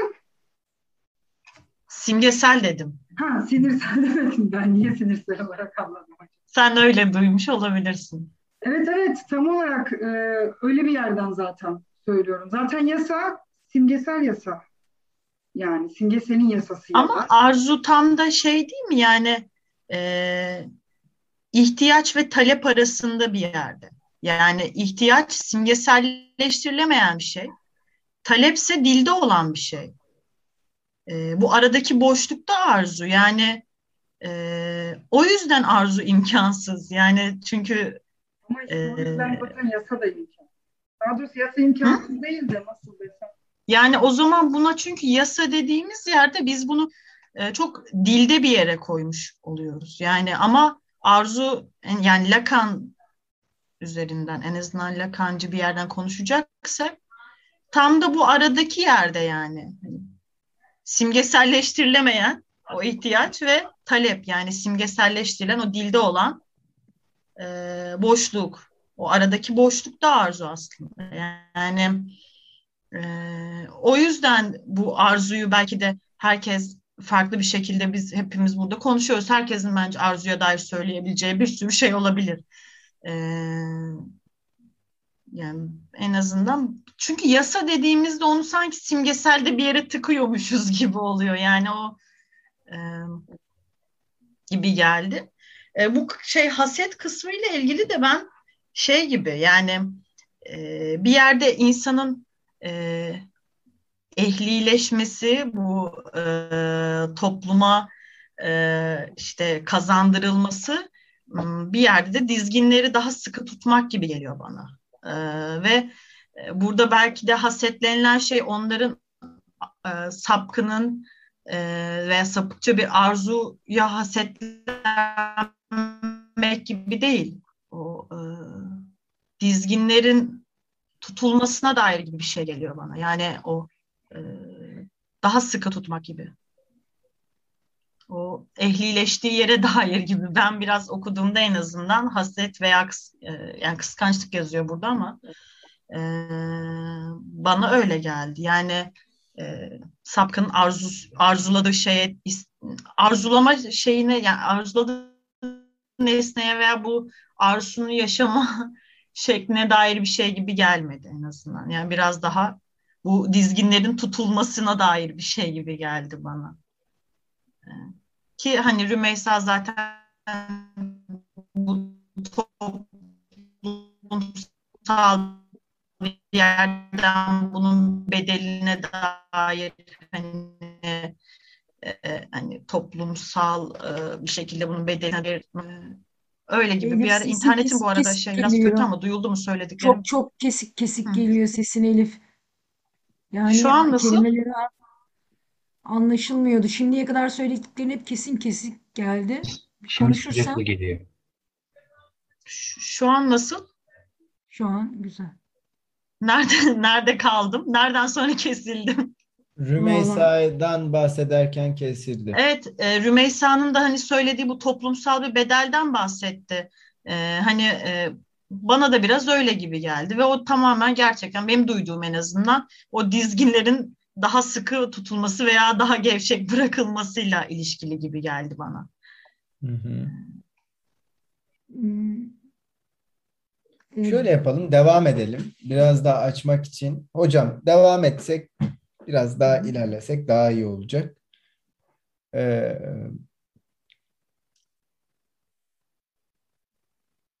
bu arada hani devam ederken konumuzla ilgili olduğu için söylüyorum. Ee, Pino'nun bir makalesi var. Psikanaliz defterlerinin yeni sayısında kaset ve kıskançlıkta evlat edinilen çocuklarda evlat edinen çocuklar ile ilgili tavsiye ederim. Tamamını okumadım derginin henüz ama o çok iyi bir makaleydi.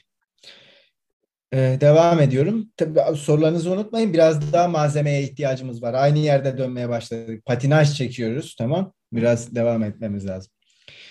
Ee, cinsel sapmalara ilişkin görüşümüzü tamamlamak için eklemem gereken bir şey daha var diyor Freud. Ee, ne kadar kötü olursa olsun normal cinsel etkinliğe ne kadar keskin bir tezat oluşturursa oluştursun şu veya bu sapma özelliği normal insanların cinsel yaşamında hemen her zaman bulunur. Öpüşmenin bile sapıkça bir eylem olarak tanımlanabileceği iddia edilebilir. Çünkü iki örgen yerine iki oral erotojenik bölgenin birleşmesinden oluşur. Ama kimse bunun sapıklık olduğunu söylemez. Tersine tiyatro oyunlarında cinsel eylemi ima eden yumuşak bir ipucu olarak kullanılır.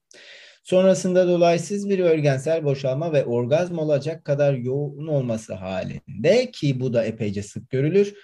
Öpüşme de tam bir sapmaya dönüşebilir demiş Freud. Birisi için nesnesini hissetme ve nesnesine bakmanın cinsel haz için vazgeçilmez ön koşullar olduğunu, bir başkasının cinsel heyecanın doruğunda nesnesini çimdiklediğini veya ısırdığını, aşıklarda heyecanın doruk noktasına örgenlerle değil nesnenin bedenindeki başka bir bölgeyle ulaşıldığını vesaire öğrenebiliriz. Bu tür özellikleri taşıyan insanları normalden ayırıp sapıklıkların, sapıkların arasına katmanın bir anlamı yok. Tersine sapmaların özünün cinsel amacın uzantısında değil, örgenlerin yerine başka şeyler konulmasında değil, hatta her zaman farklı nesne seçiminde de değil, sadece ve sadece üreme amacına hizmet eden cinsel eylemi bir yana iten ve sapık etkinliğe eşlik eden dışlayıcılıkta yattığını giderek daha net göreceğiz. Demiş Freud. Bir tür ön hazırlık veya yoğunlaştırıcı süslemeler olarak normal cinsel etkinliğe katıldıkları sürece sapık eylemler gerçekte hiç de sapma değildir. Süsleme mi? Bu tür gerçeklerin sapık cinselliği ile normal cinsellik arasındaki uçurumu çok daralttığına kuşku yok.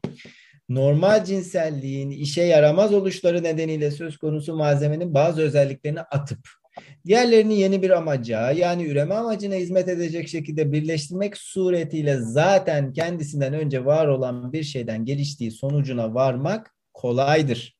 Çocuk cinselliğine bir kez daha ama daha net önermeler temelinde girmek için sapmalar konusundaki bilgilerimizden yararlanmadan önce dikkatinizi ikisi arasındaki önemli bir farka çekmek istiyorum. Kural olarak sapık cinselliği çok fazla merkezlenmiştir. Bütün eylemleri bir amaca, genellikle tek bir amaca yönelmiştir. İçgüdü bileşenlerinden birisi kontrolü ele geçirmiştir ve gözlenebilir tek bileşendir ya da diğerlerini kendi amacına boyun eğdirmiştir. Bunu uzlaşı bağlamında ve şiddetle okumanızı tavsiye ederim. Bu açıdan ağır basan bileşen içgüdülerinin ve dolayısıyla cinsel hedeflerinin farklı olması dışında Sapma ile normal cinsellik arasında hiçbir fark yoktur. Her ikisinde de çok iyi örgütlenmiş bir egemenlik kurulmuştur ama her birisinde farklı bir aile iktidarı ele geçirmiştir. Öte yandan genel anlamda konuşacak olursak çocuk cinselliği böylesi bir merkezileşmeden ve örgütlenmeden yoksundur. Ayrı bileşen içgüdüleri eşit haklara sahiptir. Her birisi haz arayışında kendi yoluna gider merkezileşmenin hem varlığı hem de yokluğu hem sapık hem de normal cinselliğin çocuk cinselliğinden kaynaklandığı gerçeğiyle tam bir uyum gösterir.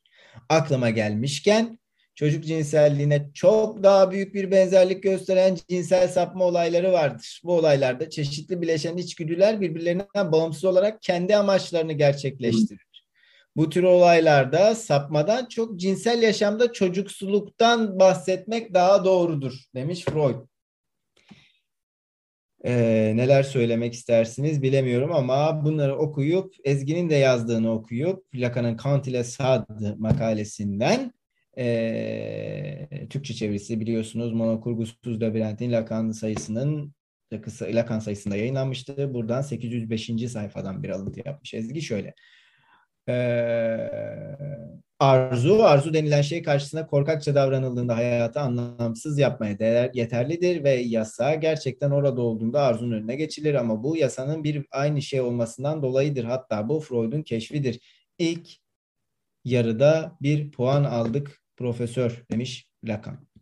Buyurun. Neler söylemek istersiniz? Ben demin tam anlatamadım da o yüzden bu alıntıyı yazdım bu arada. Şimdi daha iyi belki anlatabilmiş olabilirim. Ben bir çıkarım yapmaya çalışsam. Aynen. Burayı tartışmadan daha iyi anlatamayız zaten. Sorun evet. daha iyi anlatamamamız değil. Sorun Lacan'ın burayı iyi tartışmaz. Şu an biz buradayız. Tamam. Ben de çok uzağa gitmemeye çalışacağım. Çocuk cinselliği üzerinden düşünerek aslında neden Freud çocuk cinselliğini düşünüyor? Burada özellikle söylüyor. Örgütlenmemiş bir durum var ortada. Ve bu dürtünün örgütlenmemi örgütlenmediği durumun kendisi henüz bir yasa özne tanımıyor. Ben öyle görüyorum en azından. Çünkü çünkü orada eklenme ve, ve kopma ilişkileri mevcut. En temelinde böyle. Eğer dışarıdan özne olan öteki ahlak ya da onun adına her neyse yasa koyuyorsanız o dürtülerin nasıl biçimleneceğine, nereye doğru kanalize edileceğine, o örgütlenmemiş dürtü akımlarının nereye doğru kanalize edileceğine, dair bir baskı uyguluyor. Mesela bunu şöyle örneklendirebilirim. Bu eğitimi almış biri otobüste öpüşen birini gördüğünde şöyle diyebiliyor. Ne yapıyorsunuz? Burada böyle bir şey yapılır mı? Diyor mesela. Buradaki haset, ben buna haset diyebilirim mesela. Çünkü o kendi dürtüsünü özgürce ifade edebilme yollarının hepsi kapanmış. Artık tüm yorumları, hayata dair tüm yorumları bu ahlak süzgecinden geçmeden ifade edilemiyor. Ya da yasa diyeyim, onun yasası diyeyim ya da. Kendini ve bu durumda ne oluyor? Hasetin kendisi ya da kıskançlığın kendisi ifade buluyor. Çünkü oradaki o e, o dürtünün akımının o şekilde ifade edilebilmesi bile bir yetenek. Dürtüye dair bir yetenek gibi. Bu yeteneğin dürtünün elinden alınması demek o kişinin sakat bırakılması demek gibi bir şey bence. Ya da ben biraz hani kaba konuştum ama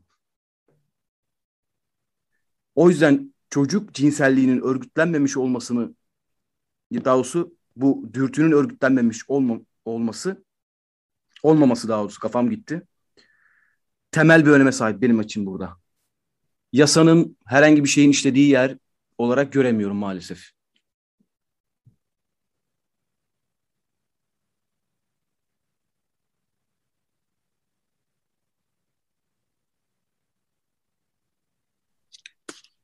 Ben bir şey sorabilir miyim? Yine bu, şimdi sen dürtü dedin. Burada da içgüdü demesi, yani içgüdü mü, dürtü mü?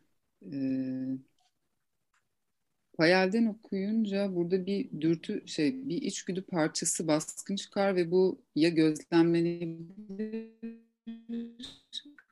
olan ya da diğerlerinin amacına uyduğu duran tek içgüdüdür diyor. Yani burada bir içgüdüden mi bahsediyor? Ee,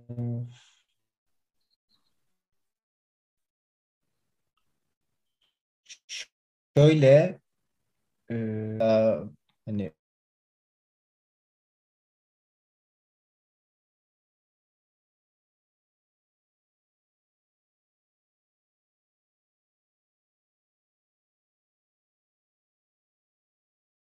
spesifik anlarda Freud içgüdüden bahseder ki zaten o zaman da editör bizi uyarır ve der ki burada bakın içgüdü gerçekten içgüdü kastediliyor. Örneğin işte e, bilinç dışı makalesinde olduğu gibi ya da haz ilkesinin ötesinde de artık içgüdünün karşılamaması gibi değil mi? O da ne kadar ilginç bir meseledir yani. Bütün bakın bütün Freud külliyatında İngilizce külliyatta trip daima içgüdü şeklinde çevriliyor ama mesele haz ilkesinin ötesinde makalesine gelince artık orada edit, editör bir not düşüyor diyor ki şimdi biz buna içgüdü diyoruz ama bu içgüdüden daha böyle vurucu bir şey diyor. Tam orada. E o zaman niye içgüdü diyorsun? diye düşünüyor insan ister istemez.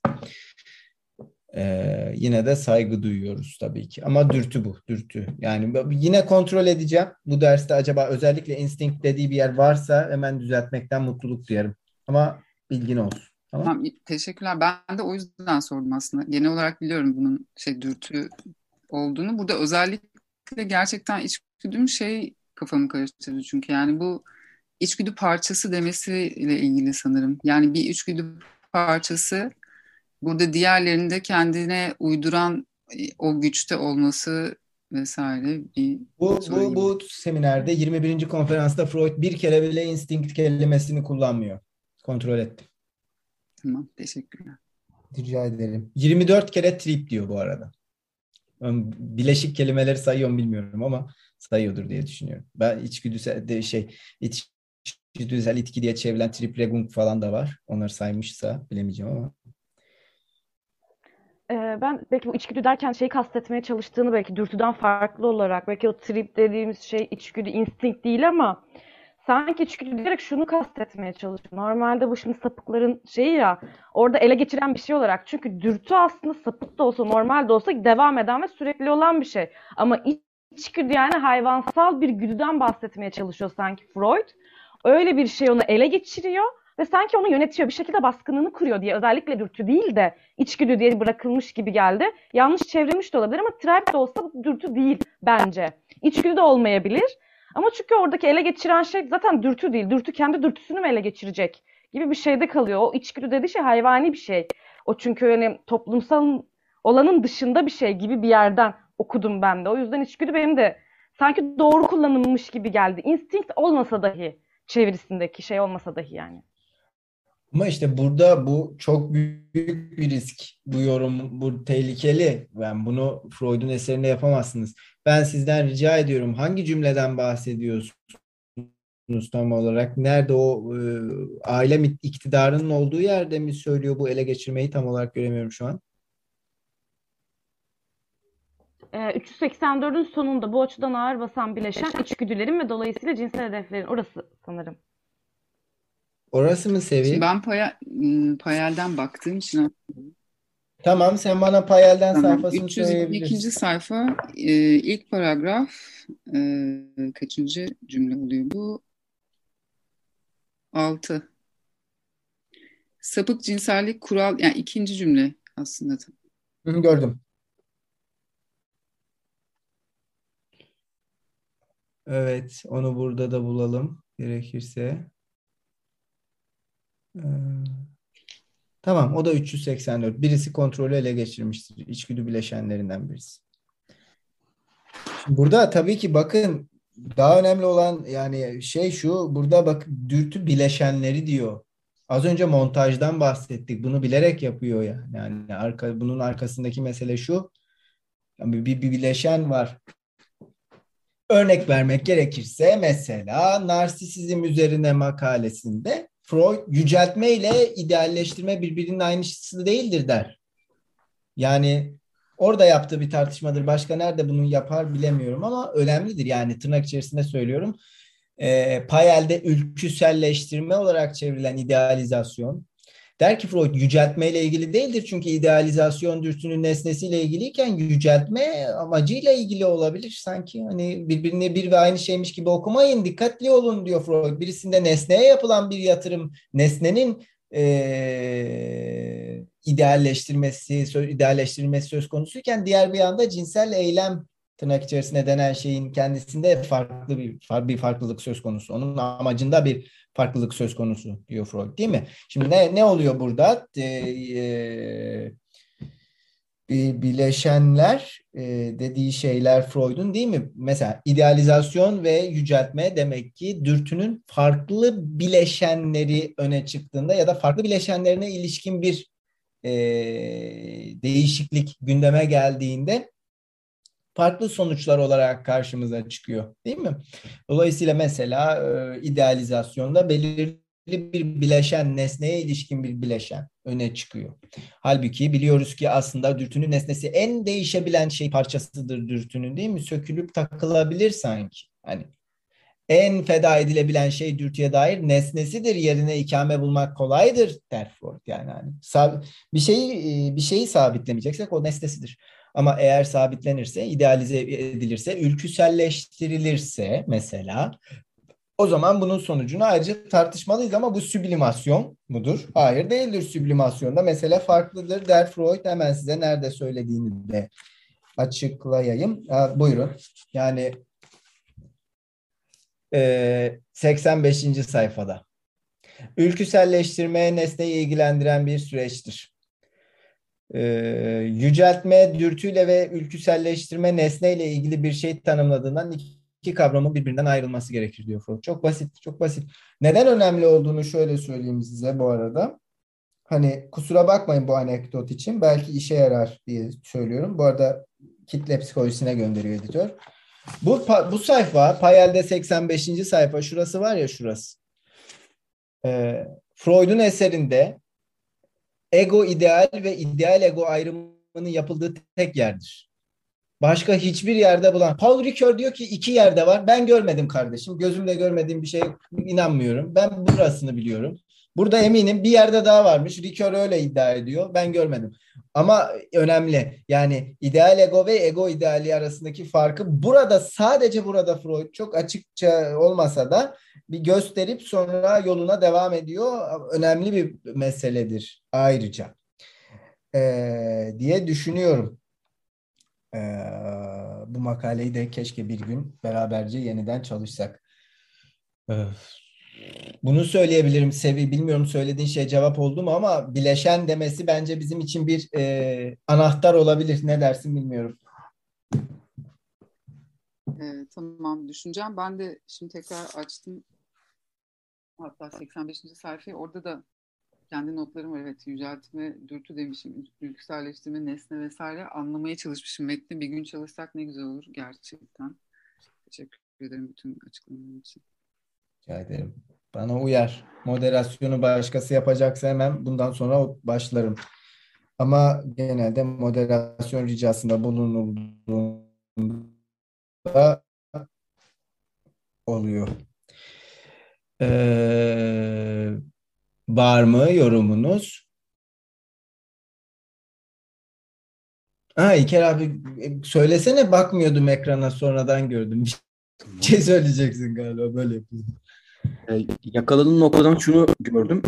Klein okuduğumuzda Klein'de bu ideal e, ne derler ona? İdealleştirme meselesinden bahsediyordu. Şimdi o senin söylediğin zaman bu ayrımı yeni yeni kafamda yapmış oldum. Tam anlamıyla bebeğin e, o nesnesiyle kurduğu ilişkide elde ettiği şey tam bu idealleştirmeydi. Hatta şurada metin var. Hmm. İsterseniz okuyayım. Kısa ama ya da zamanınızı almayayım hiç.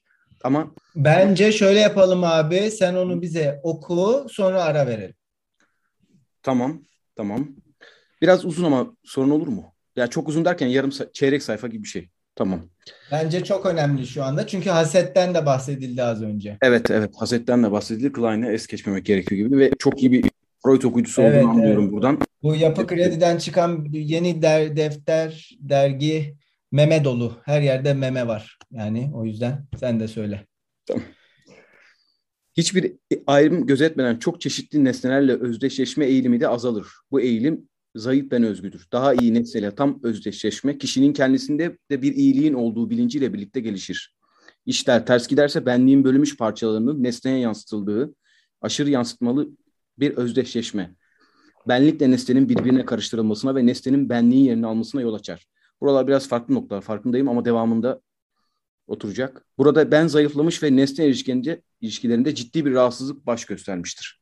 Sevme yeteneği güçlü olan bebeklerin idealleştirme ihtiyacı, yıkıcı etkileri ve zulmedilme kaygıları başat olan bebeklerinkinden daha azdır. Aşırı idealleştirme, burada idealleştirmeye dair analizlere girmeye başlamış Klein benim anladığım kadarıyla. Çünkü o idealleştirmenin e, ne diyeyim onu aşırılığı veya azlığı gibi sanki aşırı idealleştirme zulmedilme kaygısının asıl etken olduğunu gösterir. Yıllar yıllarca önce küçük çocuklarla yaptığım çalışmalarda farkına vardığım bir olgudur bu. İdealleştirme zulmedilme kaygısının uzantısıdır. Ona karşı bir savunmadır. Ve ideal memede iba, ve ideal memede yiyip bitirici memenin karşılığıdır. Meme ile kurduğu ilişkide idealleştirmenin e, ne diyeyim ona yelpazesi gibi düşünebilirim. Çok teşekkür ederiz. Ee, yorumu olan var mı bu hususta?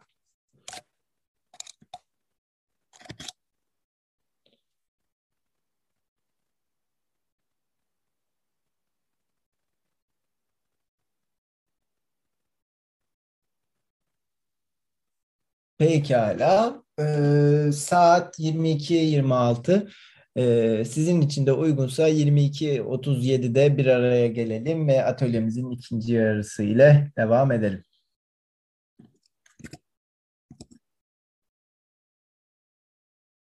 Herkese merhaba. 22 Aralık tarihli psikanalize giriş konferansları atölyemizin e, ikinci oturumuna başlayacağız. E, ilk oturumuna katılan, e, bizlere eşlik eden, değerli fikirlerini bizimle paylaşan ve vakit ayıran herkese çok teşekkür ederiz. Şimdi aslına bakacak olursanız ilk oturum çok da e, ilgi çekici bir noktada kapandı. E, Klein'a kadar varmış olduk. İlker abi bize Klein'dan bir e, alıntı okudu. Haset ve Şükran'dan mı abi? Haset ve Şükran'dan okumuş. Ee, şaşırtıcı değil. E, dürtünün bileşenlerine geldi konu. E, Sevin'in e, kıymetli sorusu neticesinde ve hani haliyle e, dürtünün bileşenleri ve bu bileşenlerin e, bu bileşenlerin e, aşırı yatırıma uğradığı ya da aşırı yatırıldığı diyelim de aşırı yatırıldığı Türkçe'de çok kötü duyuluyor gerçekten yani ama ne yap yapacak bir şey yok.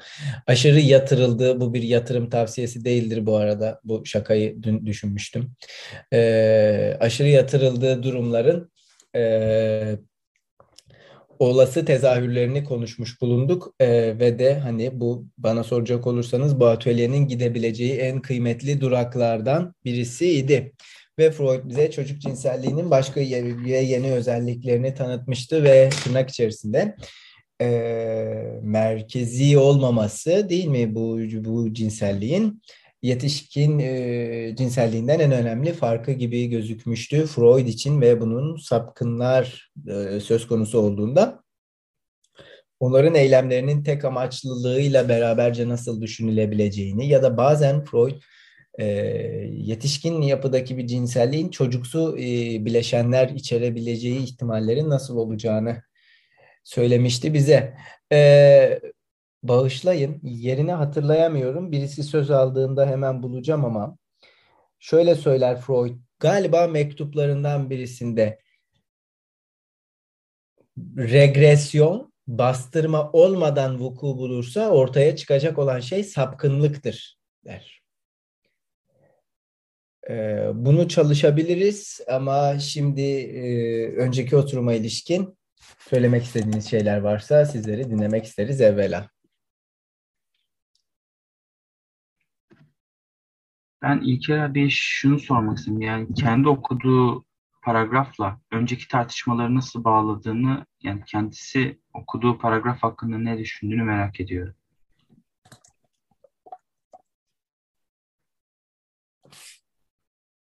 Şey, Klein'den mi bahsediyoruz? Evet.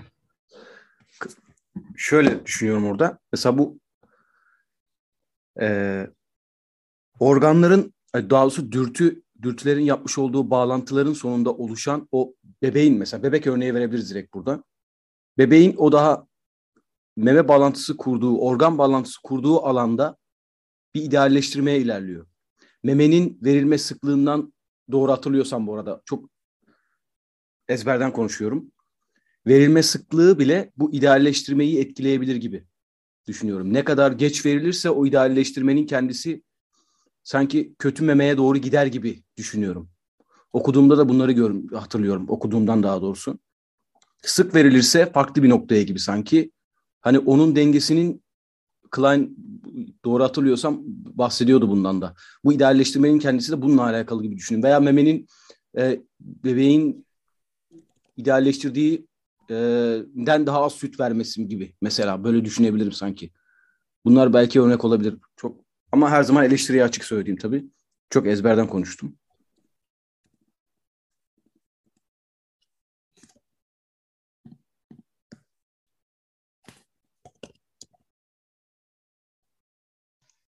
Ben şey e, bu konudan aslında biraz e, farklı olarak okuduğumuz yerde öpüşmenin e, sapmayla bu e, sapıkça bir eylemle ilişkilendirmesi kısmı bana garip geldi. Ama sonra şöyle bir şey hatırladım.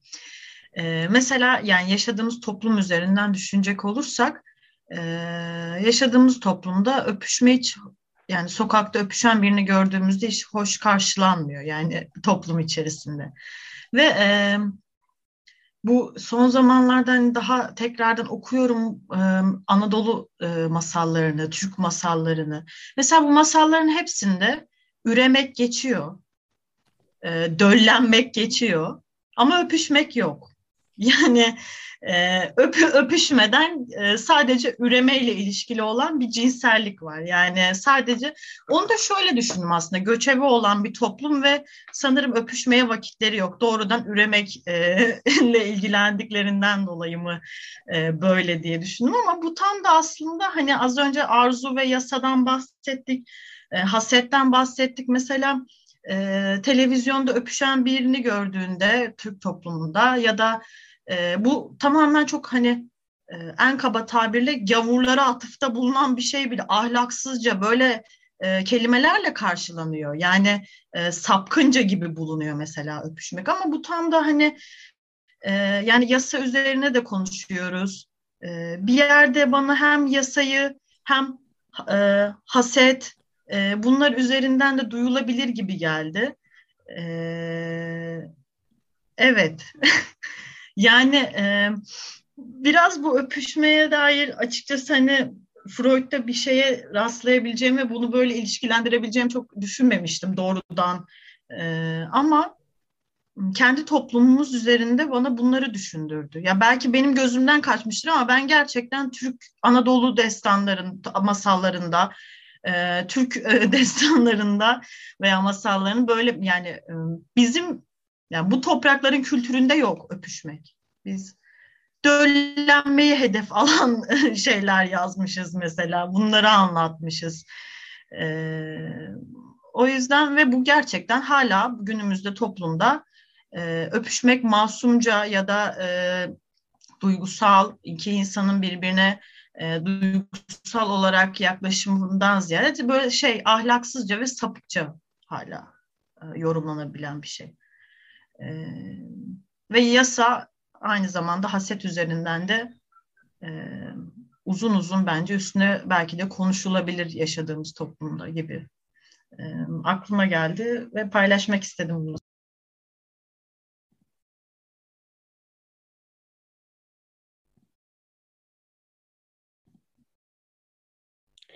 Yorum yapmak isteyen var mı? Yani benim İlker abi sorumun sebebi şuydu. Bir yandan cinsellik üzerine üç denemede, ikinci denemede parmak emme örneğini veriyor. Çocuk cinsellik e, cinselliğin dışa vurumu için bir örnek olarak parmak emme. Yani nesnesi değişken yani.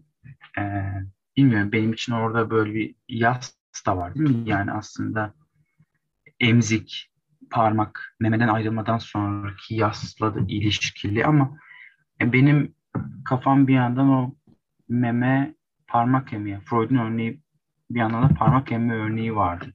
Hatta çocuksu cinsel dışa vurum üç temel özelliği de buradan ortaya çıkıyor. Şimdi onları özetleyemem ama e, yani şimdi bunları söyleyebilirim. Önceki önceden yaşadığı hazın yeniden bulmanın bir yolu olarak sunuyor. Ee, Batuhan hangi kitap demiştin? Cinsellik üzerine üç deneme ya da tamam. cinsellik üzerine e, şey ikinci makale. Tamam. Bu or, ön haz meselesi biliyorsun farklı metinlerinde de görülen bir şey Freud'un yani neden bundan bahsettim biraz açıklamak ister misin? İlgi çekici bir hadise olabilir. Yani meme hakkında düşünürken aklıma geldi. Yani bu metin 1925 yani 1905'te yazılıyor 80 sayfa olarak ama sonrasında 1925'e kadar 6 basımda 120 sayfa oluyor. Yani eklemeler yapıyor Freud. Yani kafam birazcık oralarda dolandı. Meme e, ilk yaşamsal e, faaliyet olarak bahsediyorum. Hmm, nesnesinin değişmesi anlamında bana benim ilgimi çekti. Yani emme faaliyetinin emme faaliyeti var ama nesnesi farklı.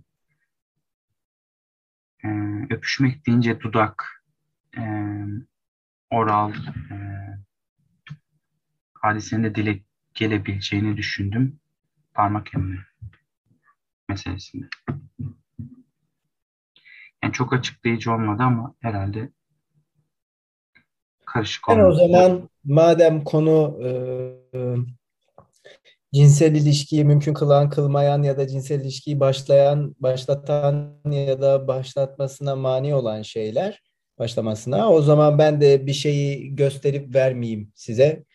Ön haz meselesi çok önemlidir. Çünkü Freud projede önceden yüklenen sinir hücrelerinden bahseder sürekli. Öyle ki bunların taşıdıkları ön yükler çağrışım kanallarının kurulmasına vesile olurlar. Çünkü güçlendirici bir etkisi vardır bu ön yüklerin. Ön haz ve artık dolayısıyla faaliyetin kendisinden taşan, kendisini sollayan, kendisine sığmayan bir keyif üretmesi ve bir diğer yandan da bu keyfin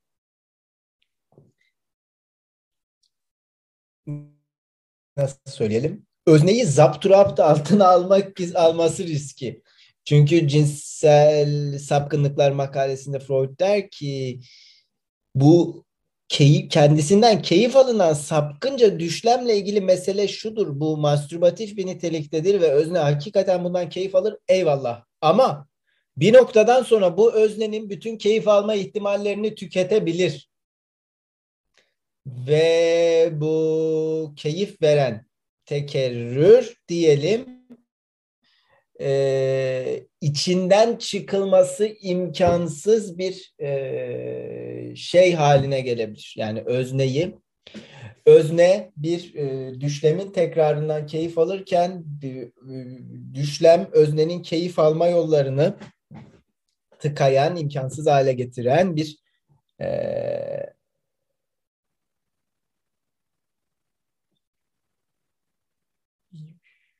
yapıya dönüşebilir mi diyelim. Yapı doğru bir kelime mi olur bilmiyorum. Bir yönteme dönüşebilir mi? Doğru mu olur bilmiyorum.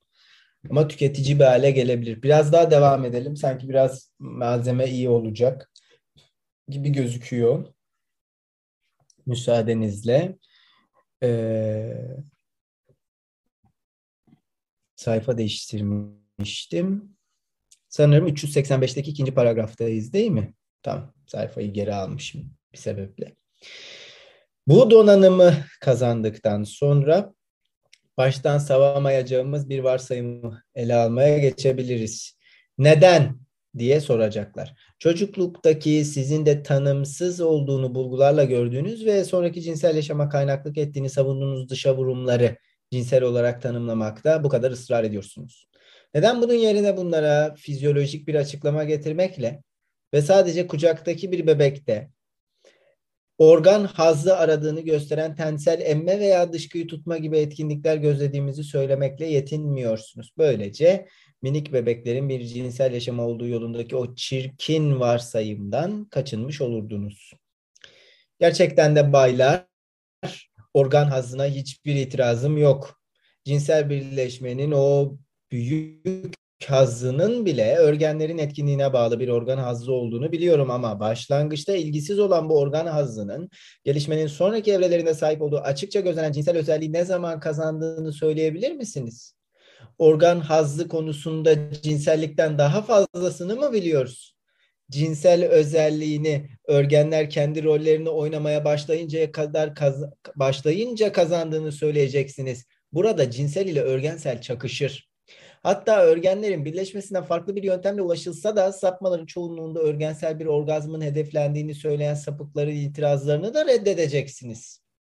Cinselliğin sapmaların bir yana ittiği üremeyle ilişkisini koparıp yerine örgensel etkinliğini koyduğunuz takdirde cinsellik özelliklerini belirleme konusunda daha güçlü bir konum alacağınıza kuşku yok.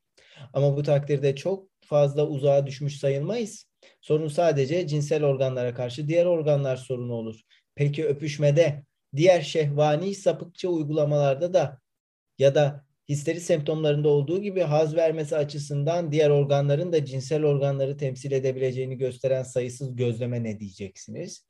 Histeride uyarımın, duyumların ve sinir uyarımlarının hatta örgenlere ait dikilme süreçlerinin vücudun diğer uzak bölgelerine Örneğin yukarı doğru yer değiştirmeyle başa ve yüze aktarılması çok olağan bir şeydir. Böylece cinsellik tanımlamanızda tutunacak bir yeriniz olmadığını gördükten sonra verdiğim örneği izlemeye ve cinsellik tanımını organ hazzına yönelik ilk çocukluk etkinliklerine de kapsayacak şekilde genişletmeye karar vereceğinize kuşku yok. Şahsen bana bu söylense e, salondan çıkardım. Kendimi haklı çıkar çünkü yani bu yani keşke küfür etseymişim. Kendimi haklı çıkartmak adına dikkate almanızı istediğim iki şey daha var.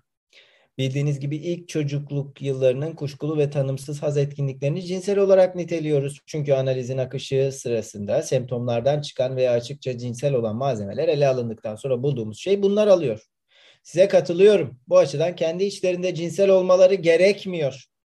Ama benzer bir durumu ele alalım. İki çift çenekli bitkinin, elmanın ve fasulyenin tohumdan itibaren gelişimini gözlemenin bir yolunu bulamadığımızı ama her iki durumda da bu bitkilerin gelişimini tam gelişmiş bitkiden çekirdekli yaprak çekirdekli yaprak şeklindeki filize kadar yani geriye doğru izleyebildiğimizi varsayalım.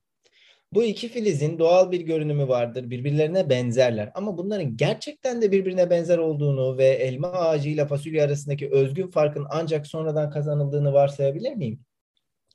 Filizlerde bir fark göremesem de farkın zaten filizlerde yattığına inanmak biyolojik açıdan daha doğru olmaz mı? Ama kucaktaki bebeğin etkinliklerindeki hazzı cinsel olarak nitelerken de aynı şeyi yapıyoruz. Burada her organın hazzının cinsel olarak nitelenip nitelenemeyeceğini ya da bunun yanı sıra böyle adlandırılamayacak başka organ hazları olup olmadığını tartışamam. Organ hazzı ve belirleyen etkenler konusunda çok az şey biliyorum ve genelde analizin geriye dönük yapısı açısından sonunda şimdilik tanımsız olan etkenlere ulaşırsam bu beni pek şaşırtmaz diyor Freud. Müthiş, müthiş bir paragraftı.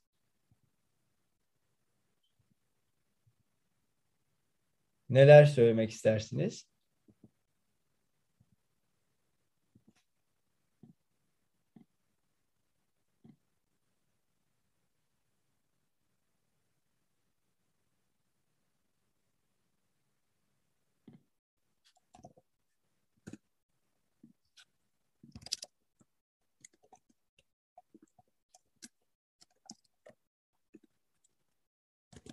Yani az önce ed, e, ego idealinden ve ideal egodan bahsederken narsizm makalesine geri dönmüş idik ve sonrasında da idealizasyon üzerinden Klein'a. Şimdi örneğin mesela organ hazzının doğası denen şeyi tartışırken Freud'un acaba bir kez daha meselenin narsizm makalesiyle çok ilgili olması tesadüf olabilir mi? Çünkü bildiğiniz üzere orada da organ hazzı denen şeyin yani erotojenitenin kökenlerini tartışır Freud. Penisi bir prototip olarak alarak.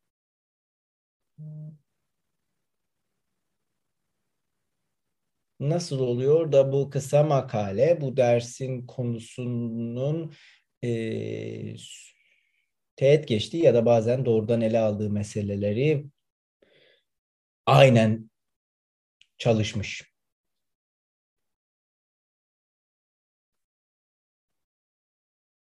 Ne kadar önemli bir ifade bakın. Organ hazzını belirleyen etkenler.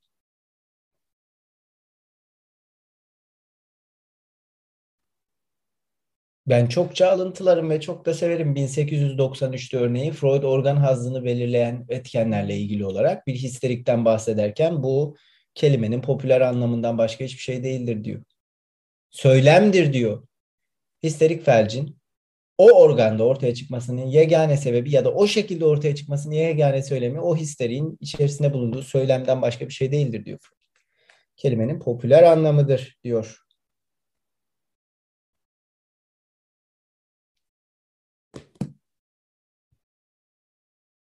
Hı? Neler söylemek istersiniz?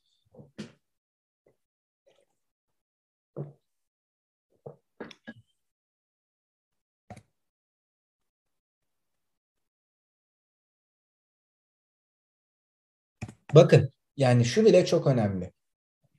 Bence e, beni mazur görürseniz hani biraz biraz temel bir seviye ama Freud diyor ki ben buna cinsel dedim.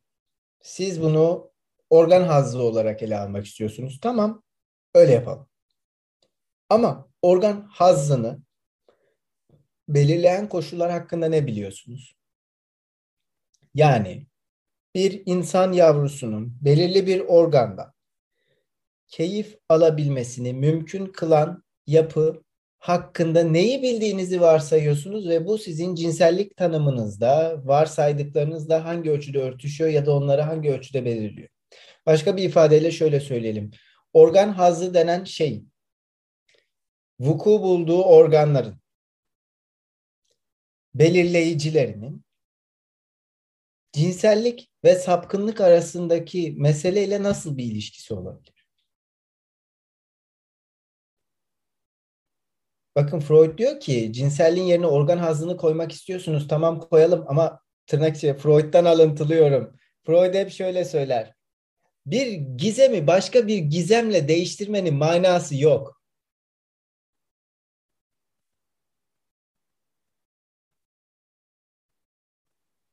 Nasıl olur da?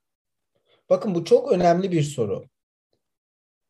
Ee, Karl Abraham'ın bir makalesini çevirmiştim ben. 14 ay önce falan. Erotojenik bölgeler olarak kulaktan bahsediyordu. Tamam hani ağızdan falan bahsedildiğinde herkes okey de kulaktan bahsediyordu Abraham. İşitsel kanalla. Web sitemizde var.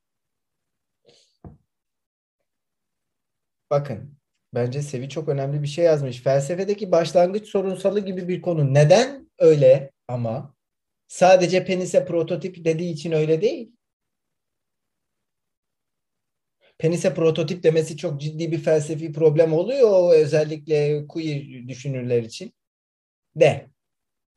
Bana soracak olursanız tembellik ediliyor orada. Tamam doğru ama yeterli değil. De. Neden bir başlangıç sorusu gibi duyuluyor bu? Yani tanım problemi anlamında mı demiş Batuhan? Yani başlangıç sorusu gibi duyulmasının sebebinin tanımlanma sorunu olduğundan mı bahsediyor? Gizemle alakalı mı acaba? Yani bir gizemi bir başkasıyla değiştirmek. Tanım yani bir e, bu mantık yani felsefe ya da bir aşağı basamakta mantık meselesi. E, bir tanım bir başka tanımlanamayan şeyle tanımla, tanımlayamazsın o şeyi. Gibi evet yakın. Yani hani kökene dair bir şey gibi ya çünkü aslında.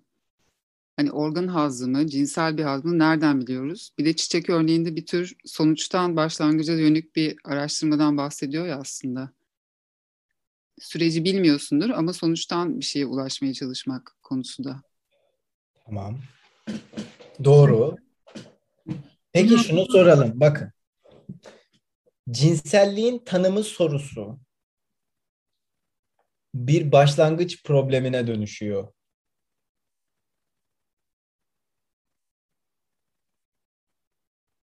Bu çok daha temel bir probleme doğru gidiyor. Hocam, bölüyorum galiba Şahin. Dedim anlamadım da. Şey, Derrida tam da Freud'a atıf yaparak şey diyor ya diferansta. Ee, şeyde de aynı şeyi söylüyor. Yazı ve Fark'ta Freud ve yazı sahnesi makalesinde de yaşamın özü diferanstır. Bu anlamda aslında kökensizliktir diyor ya. O zaman zaten cinselliğin de özü kökensizliktir diyemez miyiz? Ya da cinselliğin kökeni dediğimizde üstü çizili bir kökenden bahsetmiyor muyuz zaten? Tamam ama bunu gizemli halde bırakmayalım. Tamam da nasıl şimdi? Ama izi kalacağı için bu hep gizemli olmayacak mı?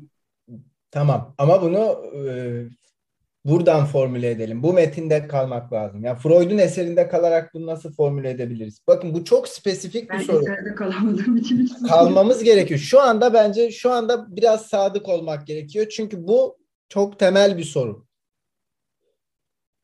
Bakın ben size bir paragraf okuyayım. Kaygı metninin son bölümü yani ilk bölümünün son ilk sondan bir önceki paragraf. Tam 225 ve 226. sayfa bu. Şimdi bakın tekrar tekrar söylüyorum. Neden organ hazzına ilişkin bir soru işareti, cinselliğe ilişkin bir soru işareti? Şimdi biliyorsunuz bu makalenin ilk bölümünde ket vurmalardan bahsediyor Freud. Ve çok ilginç bir şey yapıyor. Bakın bu makalenin nasıl başladığını öğrenelim. Hatırlayalım.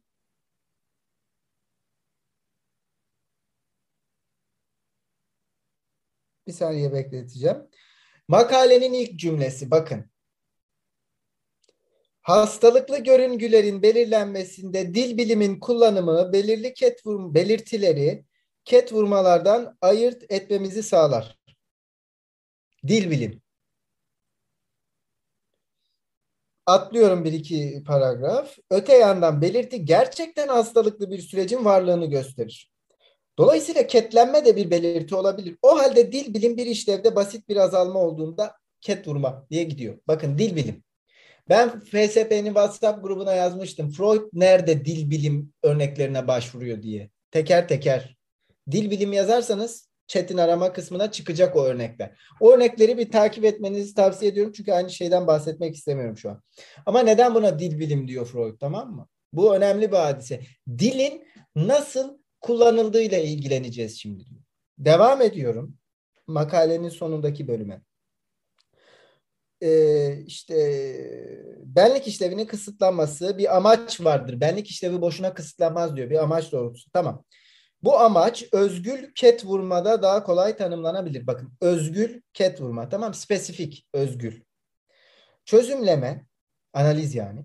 Piyano çalma, yazı yazma, hatta yürüme gibi etkinlikler nevrotik ket vurmalara uğradığında bunun nedeninin işe karışan fiziksel organların, parmakların ya da bacakların çok fazla cinselleşmiş hale gelmiş olmaları olduğunu gösterir. Parmak ve bacak.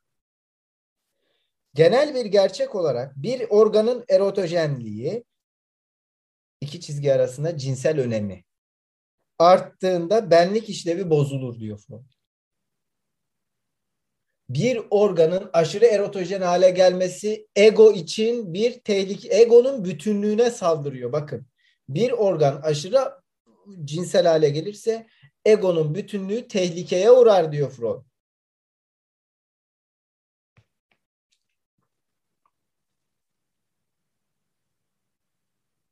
Ve ket vurma diyor ki Freud, ket vurma şudur, benlik, yeni bastırma önlemleri almak zorunda kalmak, e, idle çatışmayı önlemek için kendi alanı içinde olan bu işlevleri terk eder. Ket vurma budur diyor Freud. Çünkü bu erotojenite yani bunu kullanmaktan çekiniyorum da bir organ özerklik ilan edecek seviyede kendi cinsel keyfini kendisi belirleyebilir hale geldiğinde işlevine ket vuruluyor ego tarafından. Bütünlüğüne bir saldırı var çünkü.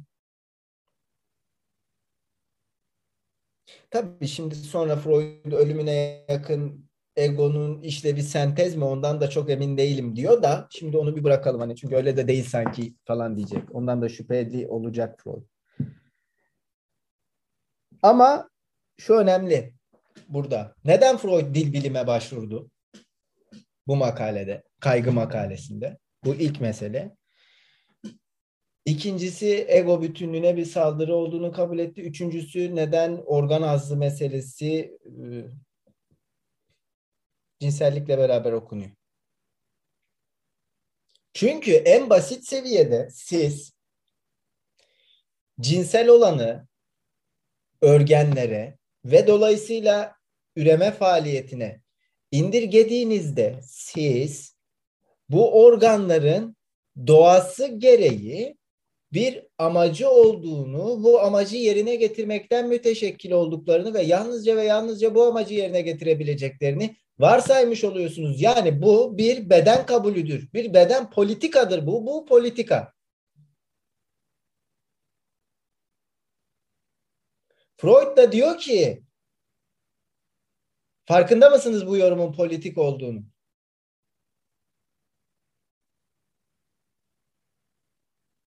Organ hazzından bahsetmeyi yeğliyorsunuz. Çünkü zaten bir çocuğun alacağı anal keyfin cinsel olamayacağını varsayıyorsunuz. Çünkü bir çocuk için parmağın cinsel bir keyif alan olan olma ihtimali olmadığını düşünüyorsunuz ve sizin için bu zaten cinsellik değil. Ama cinsel alanda te, farklı tezahürler sizin cinsel olanı tanımlamanızı imkansız kılıyorsa bunun sebebi zaten organ hazzı değil midir? En azından bunun sebeplerinden bir tanesi organ hazzını mümkün kılan sebepler, organ hazzını mümkün kılan şeyler değil midir? Tanımı imkansız kılan şey.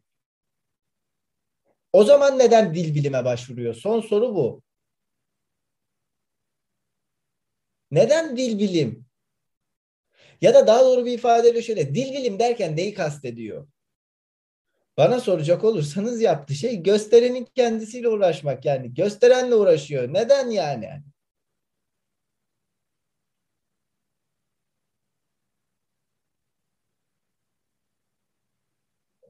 Bu çok önemli bir şey. Bu, bu iki, iki buçuk sayfa yaklaşık sanırım. Ya unuttum şimdi de. Umarım anlatabilmişimdir neden önem verdiğimi. Çok yani hani fundamental bir soru.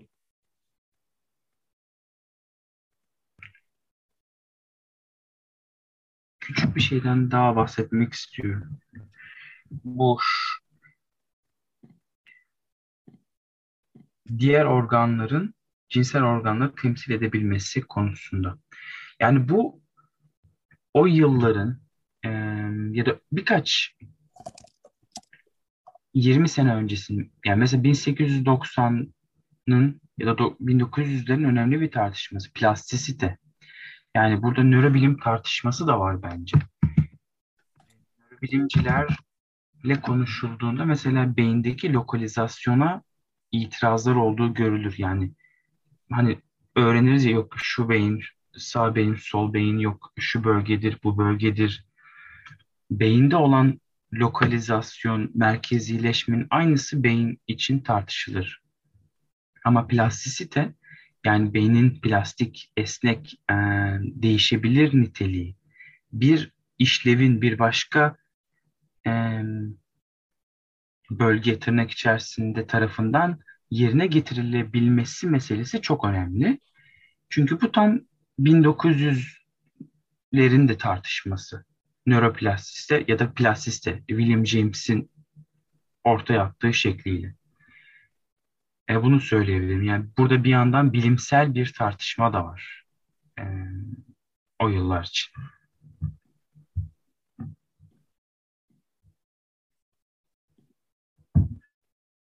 Teşekkür ederiz Batuhan. Yorumu olan var mı? Sorusu olanlar olur mu? Her şey olur. Ben şunu anlamadım. Ee, Freud'un cinsellik diye bahsettiği bir şey var. Bir tanım, bir açıklamaya çalıştığı bir kısım. Hatta belki başlangıç sorusu mu bu diye de başladığımız bu konuşma var. Bir yandan da organ hazzı var ve organ hazzı nedense bu sapkınlığı getiren, cinselliğin dışındaymış gibi olan ama aslında en sonunda Freud yine gelip yo bu da cinselliğin içerisinde gayet de. Hani niye öyle düşünüyorsunuz ki dediği bir şey gibi duruyor. Ben öyle duyuyorum. Bu da çok kafamı karıştırıyor. O zaman madem o organ hazzı da o cinselliğe dahil bir şeydi ve dışarıdan bunu niye hani böyle organ hazzı diyorsunuz, niye biyolojik bir temele koyuyorsunuz diye kızıyor. Ama bir yandan da iki paragraf önce de şunu diyor. Şurada kafamı karıştırdı. Öpüşme eğer üreme içinse okey sap, sapma değildir bu. Ama üreme dışındaysa bu bir sapmadır diyor. O bir organ hazzıdır. Yön değiştirmiştir diyor mesela o işte memeden bahsettik. Nesnesi değişmiştir diyor. Başka bir şey yemiyorsunuz diyor. Okey değişmesi de aslında aynı şey. İki gizem de aynı yere gidiyor oluyor. Bunu da kabul ediyorum. Ama şeyi oturtamadım. Bu organ hazzı cinselliğin neden değilliyor? Organ hazzı çünkü bir yandan Freud şeyi de savunuyor e, işte bu çocuk cinselliğine dair dediği şeyde hani organlaşmamış, erojenleşmemiş bir cinselliği de savunuyor. İşte anüsü savunuyor, işte diğer şeyleri savunuyor ama bir anda organa bir şey yük bindiği zaman o deşarj olma eylemine cinsellik diyemiyor ve organ hazzı diyorsunuz buna ve bunu biyolojik bir temele dayandırmaya çalışıyorsunuz diyor ama kim onlar, neler ona dair bir fikrim yok. Freud da bunu savunuyor aslında gibi bir şeye katıldım yani. Düşünceye giriştim o yüzden biraz kayboldum oralarda. Çünkü kendisi de benzer bir şeyden bahsediyormuş gibi anlıyorum. Buralarda biraz kafam karıştı.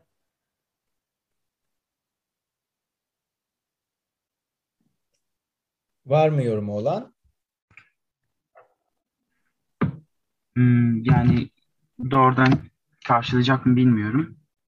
Ee, ben az önce dedim ya 1905'ten 25'e kadar 40 sayfa bu, bu cinsel üzerine üç deneme genişliyor. 1915'te birbirini izleyen evrelerden oluşan libido örgütlenmesi ifadesini, düşüncesini Freud ekliyor 1915'te. Yani bu her erojen bölgenin üstünlüğü meselesi birazcık. Ama şöyle duyuyorum. Her evre kalıcı izler bırakıyor.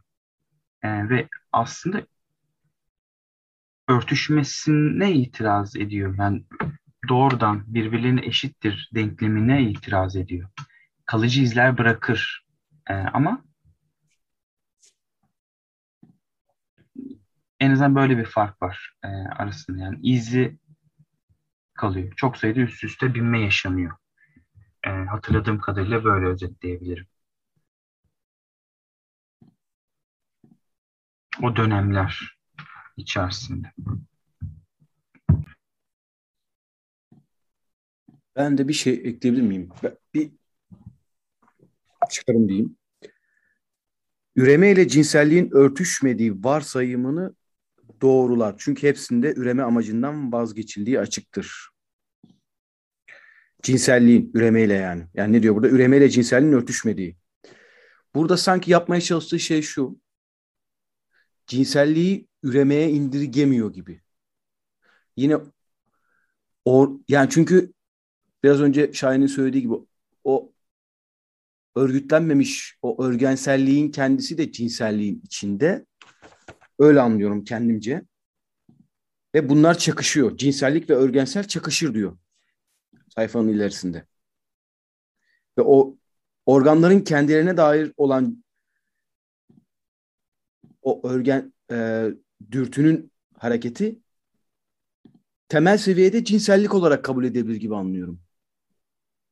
Bir anlamda. Belki uçuk olacak ama ve o yüzden örgensellikle cinsellik çakışıyor. Çünkü vücudun her tarafında olabilecek bir cinsellik söz konusu. Üremeye indirgenmeyen gibi. Galiba oturdu şu an. Şöyle bir şey oluyor daha sonrasında anladığım kadarıyla. Onlar çakışıyor aslında. Üremeye indirgenmemesi lazım diyor. Fakat dil bilimin de belki gelmesiyle birlikte bu organa binen aşırı yük sanırım cinsellikten ayrıştıran ve organ hazzı adını alması gereken kısım. Çünkü o cinsellikten bağımsız sanki oradaki farklı bir haz, farklı bir yük, deşarj olması gereken belki daha otoerojenik, işte otoerotik neyse artık orada farklı bir yük oluyor galiba. O yüzden tam aslında cinselliğe katmaya çalıştığı şey o tam da çakışmadan sonra belki cinselliğin dışarısından bir yerden bakması gerek, gereken bir şeymiş gibi kalıyor galiba. Biraz daha oturdu sizin yorumlarınızla birlikte. Böyle bir yere vardı şu an benim zihnimde. Evet, yani örgütlenmemiş bir yerden fazlaca örgütlenmiş bir organa aslında. O kadar indirgemeci bir yerden bakıp neden sadece organa baktığımızda cinsellik anlamamalıyızı anlatıyor galiba gibi tersten bir yere vardım.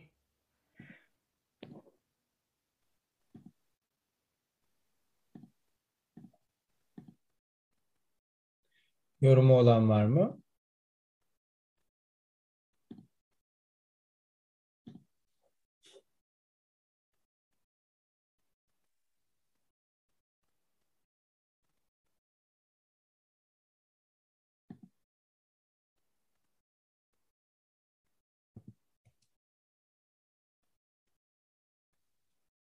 Devam edeyim. Bir şey daha. Kucaktaki bebeklerin etkinliklerini cinsel olmayan etkinlikler olarak görmenin daha iyi olacağına beni ikna etseniz bile bir bütün olarak savunmak istediğiniz şeyi çocukların cinsel saflığını destekler pek bir şey kazanmış olma sayılmazsınız. Çünkü çocukların cinsel yaşamı üçüncü yaştan başlayarak bu kuşkuların tamamından uzak bir açıklık kazanmaya başlar. Bu örgenlerin uyanmaya başladığı çocukluk mastürbasyonunun dolayısıyla örgensel doyumun belki de düzenli olarak etkinleştiği bir dönemdir. Cinsel yaşamın ruhsal ve toplumsal yanları artık belirginleşmeye başlar. Nesne seçimi, belli insanlara yönelik sevecen tercihler, hatta iki cinsten birisi lehine verilen bir karar, kıskançlık, bütün bunlar psikanalizden önce ve bağımsız olarak yansız gözlemlerle kesin anlamda belirlenmiştir ve görebilecek cesareti gösteren her gözlemci tarafından görülebilir. Sevecenliğin erken bir yaşta uyandığından hiç kuşkulanmadığınızı söyleyerek itiraz edeceksiniz. Siz sadece bu sevecenliğin cinsel bir yapısı olup olmadığı kuşkusuna kapılmışsınızdır. 3 ila 8 yaşları arasında çocukların bunu gizlemenin bir yolunu öğrendiği doğrudur. Yine de dikkatliyseniz bu sevecenliğin tensel amacı konusunda yeterli bilgiyi toplayabilirsiniz ve bundan sonra hala kanıta ihtiyaç duyarsanız bunu da size analiz incelemeleri bolca sağlayacaktır. Yaşamın bu dönemindeki cinsel amaçlar çocukların bazı örneklerini verdiğim cinsel araştırmalarıyla yakından ilişkilidir. Bu amaçlardan bazılarının sapma özelliğinin çocuğun yapısal gelişmemişliğine bağlı olduğuna kuşku yok. Çünkü cinsel birleşme eyleminin amacını henüz keşfetmemiştir. 6 ila 8 yaşlarından sonra cinsel gelişmede kültürel açıdan çok elverişli olduğu durumlarda gizlilik dönemi ad- olarak adlandırılmayı hak eden bir duraklama, bir gerileme gözleriz. Bu gizlilik dönemi bulunmayabilir de bunun cinsel etkinlikte ve cinsel ilgilerde bir kesintiye yol açması gerekmez. Gizlilik döneminin başlangıcından önceki yaşantıların ve ruhsal dürtülerin büyük çoğunluğu daha önce sözünü ettiğim çocukluk unutkanlığının kurbanı olur. Bu ilk yıllarımızı bizden gizleyen ve bizi ona yabancılaştıran bir unutkanlıktır. Her analizde karşımıza çıkan görev bu unutulan dönemi tekrar canlandırmaktır. Çok önemli iki cümle. O dönemdeki cinsel yaşamın başlangıcının bu yaşamın unutulmasına yönelik güdüyü sağladığını, aslında bu unutmanın bir bastırmanın sonucu olduğunu düşünmekten kaçınmak imkansızdır diyor Freud. Neler söylemek istersiniz buraya dair?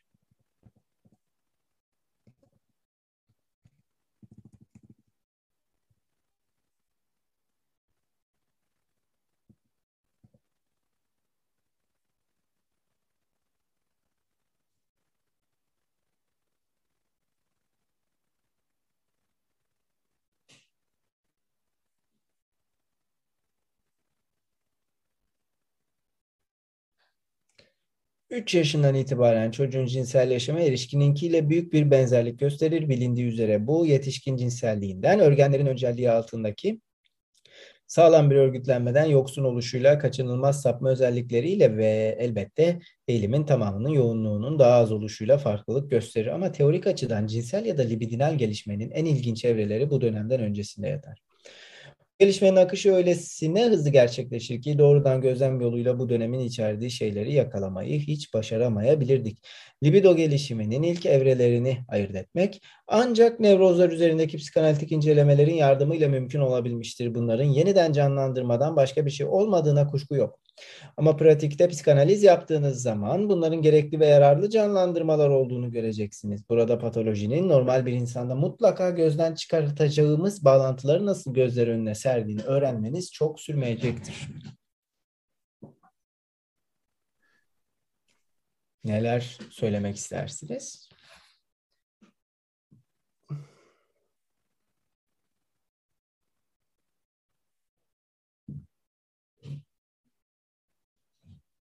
Biraz e, yorulduğunuzu düşünüyorum.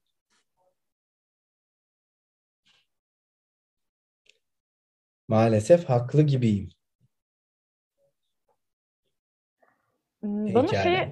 Heh, bana şeyi hatırlattı. Bu az önce verdiği örnek vardı ya bu fasulyeli elmayı geriye dönerek incelemeye dair söylediği şeylerle benzer bir şey söylüyor aslında. Patolojik yerden geriye dönük o şey yapıyor ya incelemeyi yapıyor ya onu çok benzer bir yerden duydum o söylemesini. Yani yaptığı çıkarımda aynı onu gözlemlemesi gibi geriye dönük bir inceleme yapıyor. Yani sonuçtan belki olaya doğru gidiyormuş gibi geldi.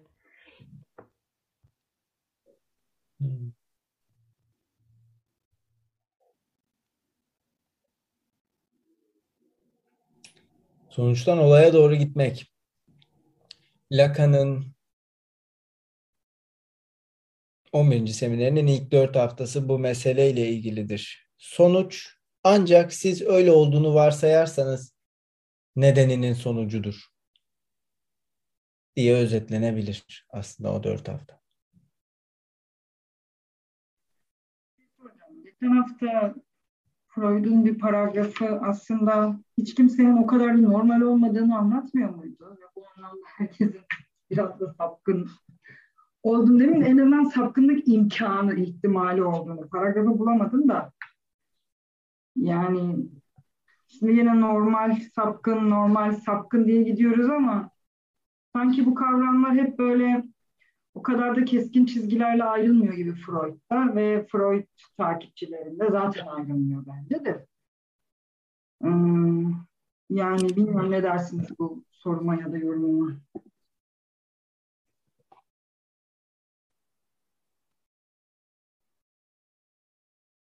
Ben birazcık katılıyorum. Yani çok keskin çizgilerle ayrılmıyor gibi duruyor. Evet, ayrılmıyor da bence.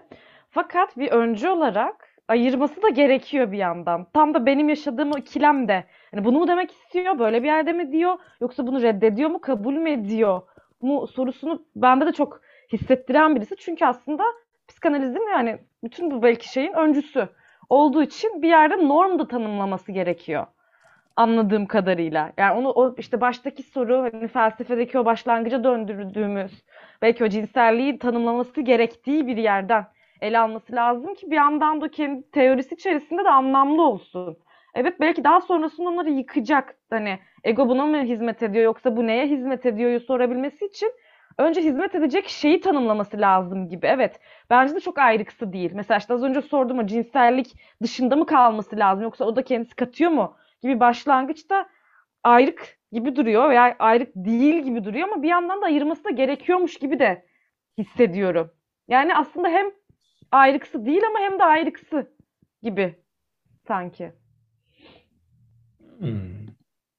Ben de bir şey ekleyebilir miyim? Burada şurayı özellikle okuduğum için alt e, paragrafı da okudum. Oradan kopya çekeceğim biraz açıkçası. Örgensellik öncesi demek bizim için çok stratejik bir nokta. Ben öyle anlıyorum.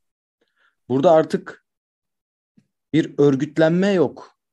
Burada bir cinsiyet ataması yok. Aslında bir cinselliğin kendisi var. Saf cinselliğin kendisi var gibi düşünüyorum. Yani erkeklik ve dişilik olarak ayırdığı alanın tam olarak e, o gidiş gelişlerinin arasında kurulan bir alan. Böyle ikisinin birbirine akabildiği, kayabildiği bir alan gibi düşünüyorum. Bu cinselliğin en saf halinin. Daha e, örgenselliğin örgütlenmediği ve kendi içinde, tırnak içinde temsilini bulamadığı bir bir alan var. Sanki buraya başka kitaptan bir kopya çekeyim. Libidinal düzlem. O libidonun e, örgüt organların örgütlenmediği bir alanda aktığı bir alan gibi.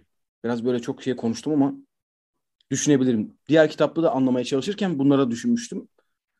Çok yakın geldi. O yüzden dikkat çekici. Hmm, ben şey gibi yani e, bence cinsellik şudur ya da budur gibi bir tanımlama e, yaptığını veya yapmaya çalıştığını düşünmüyorum e, okuduğum hiçbir şeyde. E, cinselliği tam da ne olmadığını aslında tartışarak e, olmadı yani hmm, çünkü şimdi cinsellik üzerine üç denemedeki o diğer e, metinleri de düşünecek olursak e, Freud gayet böyle gayet toplum içinde e, alışılagelmiş düşünceler, işte cinselliğin o e, üremeyle ilişkilendirildiği e, yaş, e, cinsel, çocuk cinselliğine karşı e, insanların bakış açısı. Tam da buradan açıyor gibi. Yani cinsellik şudur, budur gibi değil. Bence verdiği örneklerin hepsinde ben bunu duyuyorum. Yani e, cinselliğin ne olmadığını aslında bu cinselliğe e, atfedilen şeyin e, üzerine konuşarak bu değil diyor yani. Hani, e, cinsellik eşittir şudur değil gibi. Ters bir yerden bir tanımlamaya gidiyor. Evet yani e, ben cinsellik üzerine üç denemede de bunu düşündüm e, hep okurken ya da di, onun içindeki o diğer e, metinlerde de yani hmm, anlat anlatmaya çalıştığı şey evet e, burada üzerine konuşuyoruz haftalardır ama e, böyle bir tanım bize hiçbir yerde vermiyor. Yani ve böyle bir tanımı doğrudan bu eşittir bu gibi bir şey e, bence psikanalizde bunun çok bilmem yani en azından benim okumamda bunu çok mümkün olduğunu düşünmüyorum ama bu değil yani hani e, toplumdaki yargılardan veya e, bakış açılarından bahsediyor. Şu an kitabı yanımda olmadığından dolayı doğrudan bir yerden alıntı yapamıyorum ama e, bunlar değil diyor. Yani galiba bir mektup örneği vardı. Şahin hangi bölümdeydi o cinsellik üzerine denemelerde?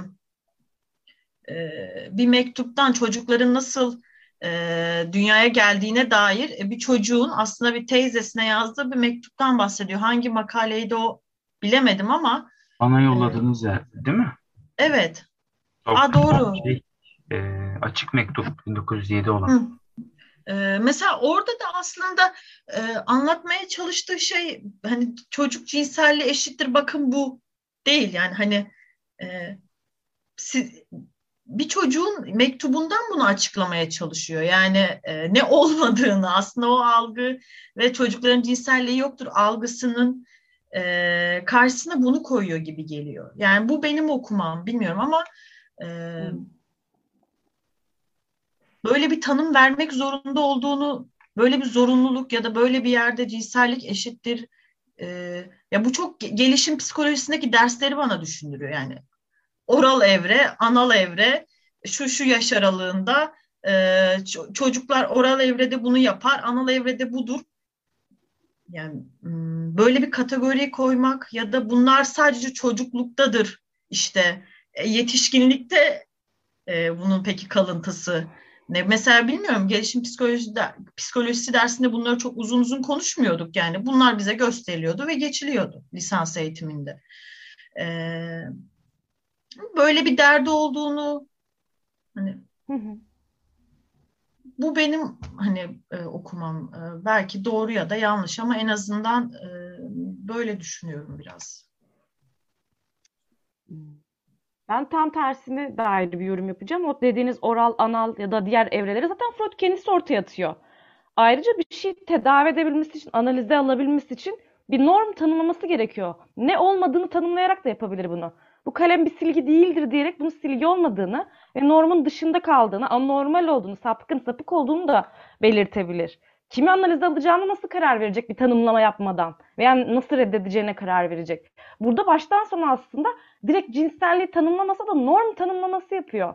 Yani patoloji tanımlaması yapıyor direkt. Veya neyin patolojik olmadığına dair bir girişimi var ki teori yazıyor aslında yani. Yapmaya çalıştığı şey bu. Böyle bir şey vardır bu şey bilincimizin dışında bir şey de vardır ve buna dair şeyler cinsellik de budur, burada budur, olmayanı da budur, diğeri de budur gibi geliyor bana. Norm dışından da devam edebilir buna ama bir şeyde anormal tanımlaması lazım ki analize alsın veya bir şey farklı olsun ki de bir şeyde rahatsızlık var ki normun dışında. Bir de bir norm olmalı ki bu toplumun dışında da kalabilir. Yeni bir şey de açabilir. Hani toplum böyle düşünüyor ama bu böyle değildir diyerek yeni bir tanım da yapabilir veya yapmayabilir ama bir norm tanımlama yapmasına ım, ihtiyacı var. Devam edebilmesi için var gibi geliyor bana. Ben bir şey söyleyeceğim de. Şimdi Freud bir norm tanımlaması yapar deyince benim aklıma ister istemez şey geliyor. Bir yasa metni, bir mevzuat metni oluşturur demek gibi geliyor. Kendi alanımdan doğru belki düşündüğüm için öyle geliyor.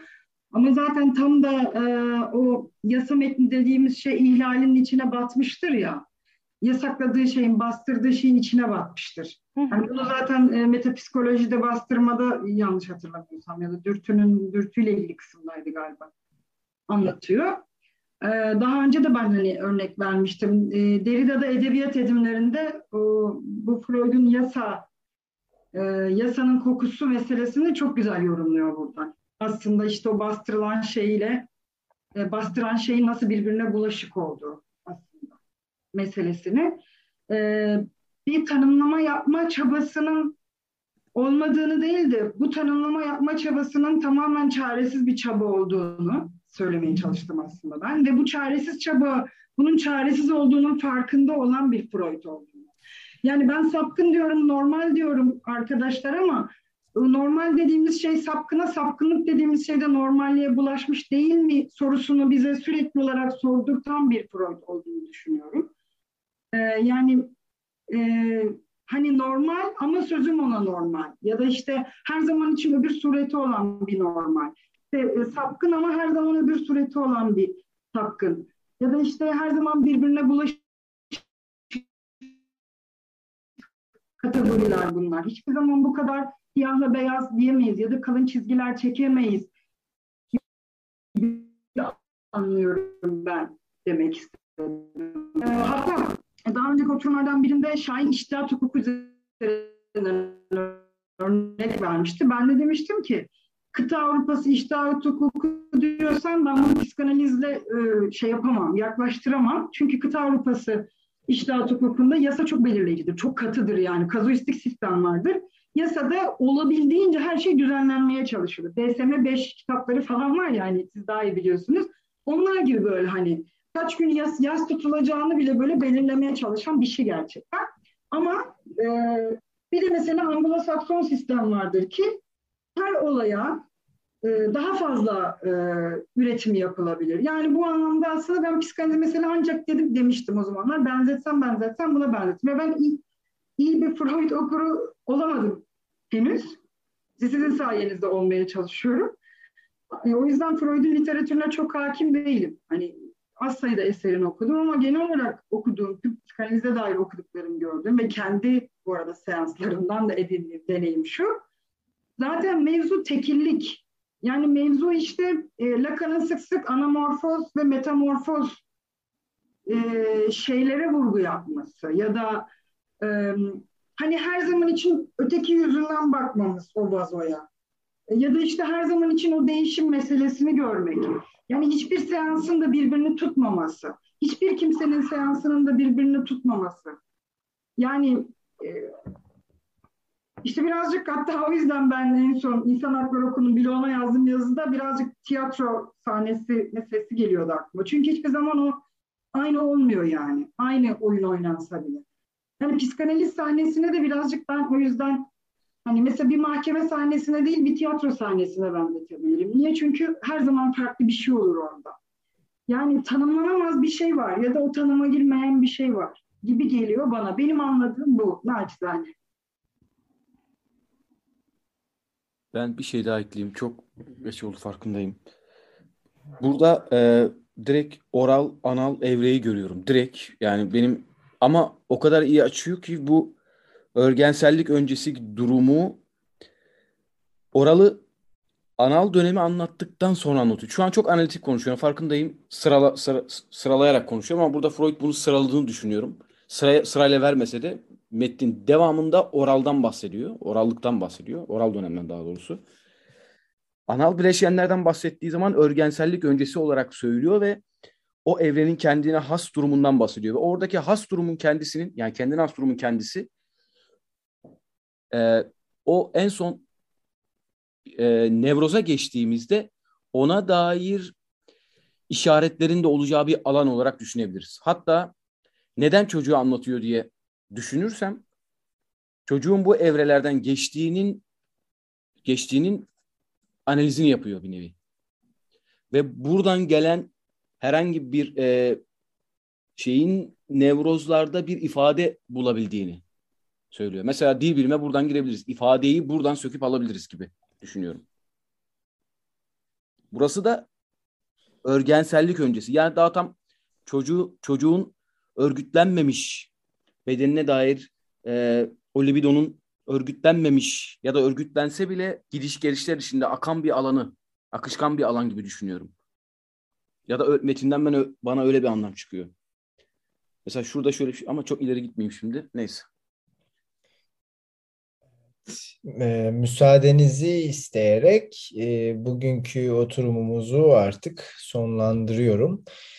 389. sayfada kaldık. Önemli bir meselede sadistik anal ve eril dişil meselesinde kaldık. Bunun zaten önümüzdeki hafta bizi epeyce meşgul edeceğine inanıyorum ki belki bu bu konferansı üç oturumda tartışmamızı bile gerektirebilir bu hadise. Bunun da bir zarar olduğunu düşünmüyorum. Yorumlarınız için hepinize teşekkürler. İlker abi, Ezgi, Elif, Rümeysa, Batuhan, Viyanalı Doktor Fürst'e bir mektup. Doğrudur. Ee, bu çok çok haliyle bu görev bana düşüyor yani sizin dakikalarca konuştuğunuz şeyi elimden geldiğince özetlemek ve bu oturumu sonlandırmak.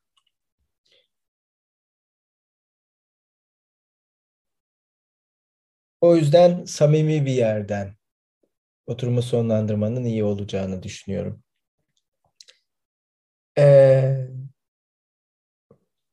Freud'un çift cinsellikle ilgili görüşleriyle ilk kez karşılaştığımda bu benim çok ilgimi çekmişti. Çünkü e, işte bir e, homofobik olarak ya da bir mizojen, mizojenist olarak Freud'un eleştirildiği ile karşılaştırınca psikoloji lisansında savunmacı bir yerden okumaya başlıyorsunuz Freud'u çok. Sıradan geliyor bana belki toy diyebilirsiniz ama metinle ilişkilenmenin çeşitli biçimleri var. Dolayısıyla çift cinsellik yorumları çok ilgimi çekmişti. O erillikten, dişillikten bahsedişi, kıvranışı çok ilginç bir hadisedir gerçekten. Bu konuya tek bir makale bile ayırmamıştır ama çok önemli eserlerinin kıymetli kısımlarında hep bunu tartışır Freud. Çok erken tarihlerden itibaren. Evet dişilik üzerine bir konferans yapıyor doğru ama hani özel olarak çift cinsellikten bahsediyorum. Ee, çok ilgimi çekmişti haliyle. Fakat bu meseleyi çalışmaya devam ettikçe karmaşık hale geldiğinin çünkü Freud'un da yıllar içerisindeki görüşlerinin değiştiğinin ya da geliştiğinin farkına varmış oldum. Erken dönem Freud mesela etkinliği, e, erillik, dişillik ile de pasifliği birbirine eşleştirirken geç dönem Freud bundan vazgeçer mesela erken dönem Freud örneğin e, e, erkeklerin daha ziyade obsesyonlardan mustarip olduğunu söyler ama verdiği bütün obsesif vaka örnekleri kadındır gibi. E, mesele çetrefilli. E, ve de e, tüm bu çetrefilin yanında bir norm kuran, dayatan Freud'un e, kabul edilemez ya da akla uygun olmadığının ya da en azından kulağa öyle geldiğinin farkındayım. Ee, mesele bir normu kabul etmek ya da etmemek kadar bence kolay değil. O yüzden e, çok şey yorum dinledim hepinizden ama hiçbiriniz dil bilimle ilgili meselenin üzerinde durmadınız. Bu da çok ilgimi çekti. Çünkü ben özellikle dedim ki bakın dil bilim diyor. Niye? Ne alakası var?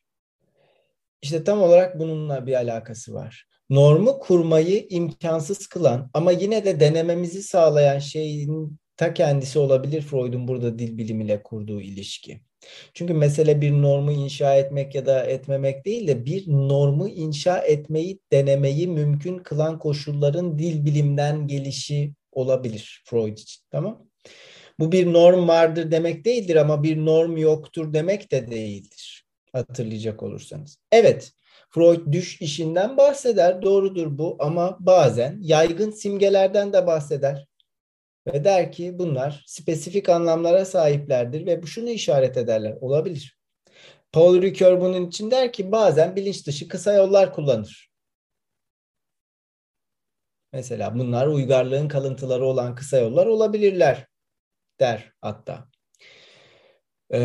Dolayısıyla bu tartışmanın yani oturumumuzun yaklaşık son 20 dakikasını meşgul eden tartışmanın bizim bu oturumda derleyip toparlayabileceğimiz bir tartışma olduğunu inan olduğuna en azından inanmıyorum.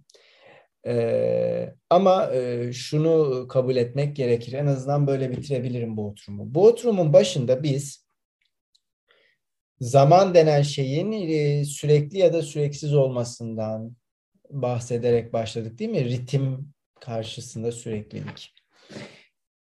Tekerrür karşısında yenilik gibi. Ve sonrasında ben de dedim ki e, tamam bazı tezahürlerin semptom olduğunu öne süreceğiz e, ve bu semptom ortaya çıkana kadar ya bu semptomun ortaya çıkış biçimi bireysel. Pekala. Ama bu bireyselliği kuran koşullar hakkında bir şey söylememizi imkansız mı kılıyor bu? Yani mesela şu çok ciddi üzerine çalışılması en azından düşünülmesi gereken bir konu. Freud e, erillik ve dişilik ve benzeri meseleleri böyle askıda bıraktığında ondan neredeyse bireyselliğin filozofu olarak bahsedecek kadar ileriye gitme e, riskini alabiliyoruz. Ama diğer bir yandan Freud hem kaderci hem de aşırı belirlenimden bahseden bir adamdır. Bununla ne yapacağız? Gerçekten kadercidir Freud. Ama Freudçu bir manada kader kendisini nasıl gerçekleştiriyor? Bu başka bir mesele. O yüzden tekrar tekrar söylüyorum. Ben özellikle dil bilimi vurguladım. Bunu size hatırlatmak isterim ve notlarımı da sizinle vaktiyle paylaşmıştım. Umarım mesajlarım okunmuştur. Okunmadıysa şimdi aranıp bulunmuştur. Ee, çünkü ben bunun e, önemli bir hareket olduğuna ve kasıtlı olarak yapıldığına inanıyorum Freud tarafından.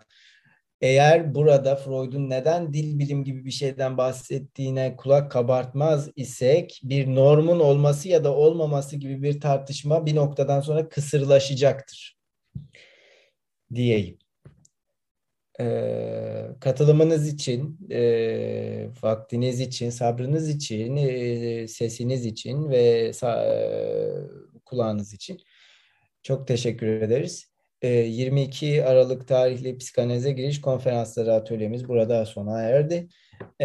Önümüzdeki hafta çalışıyor olduğumuz kitabın 389. sayfasının ikinci paragrafını okuyarak çalışmamıza devam edeceğiz. Hepinize iyi akşamlar dilerim.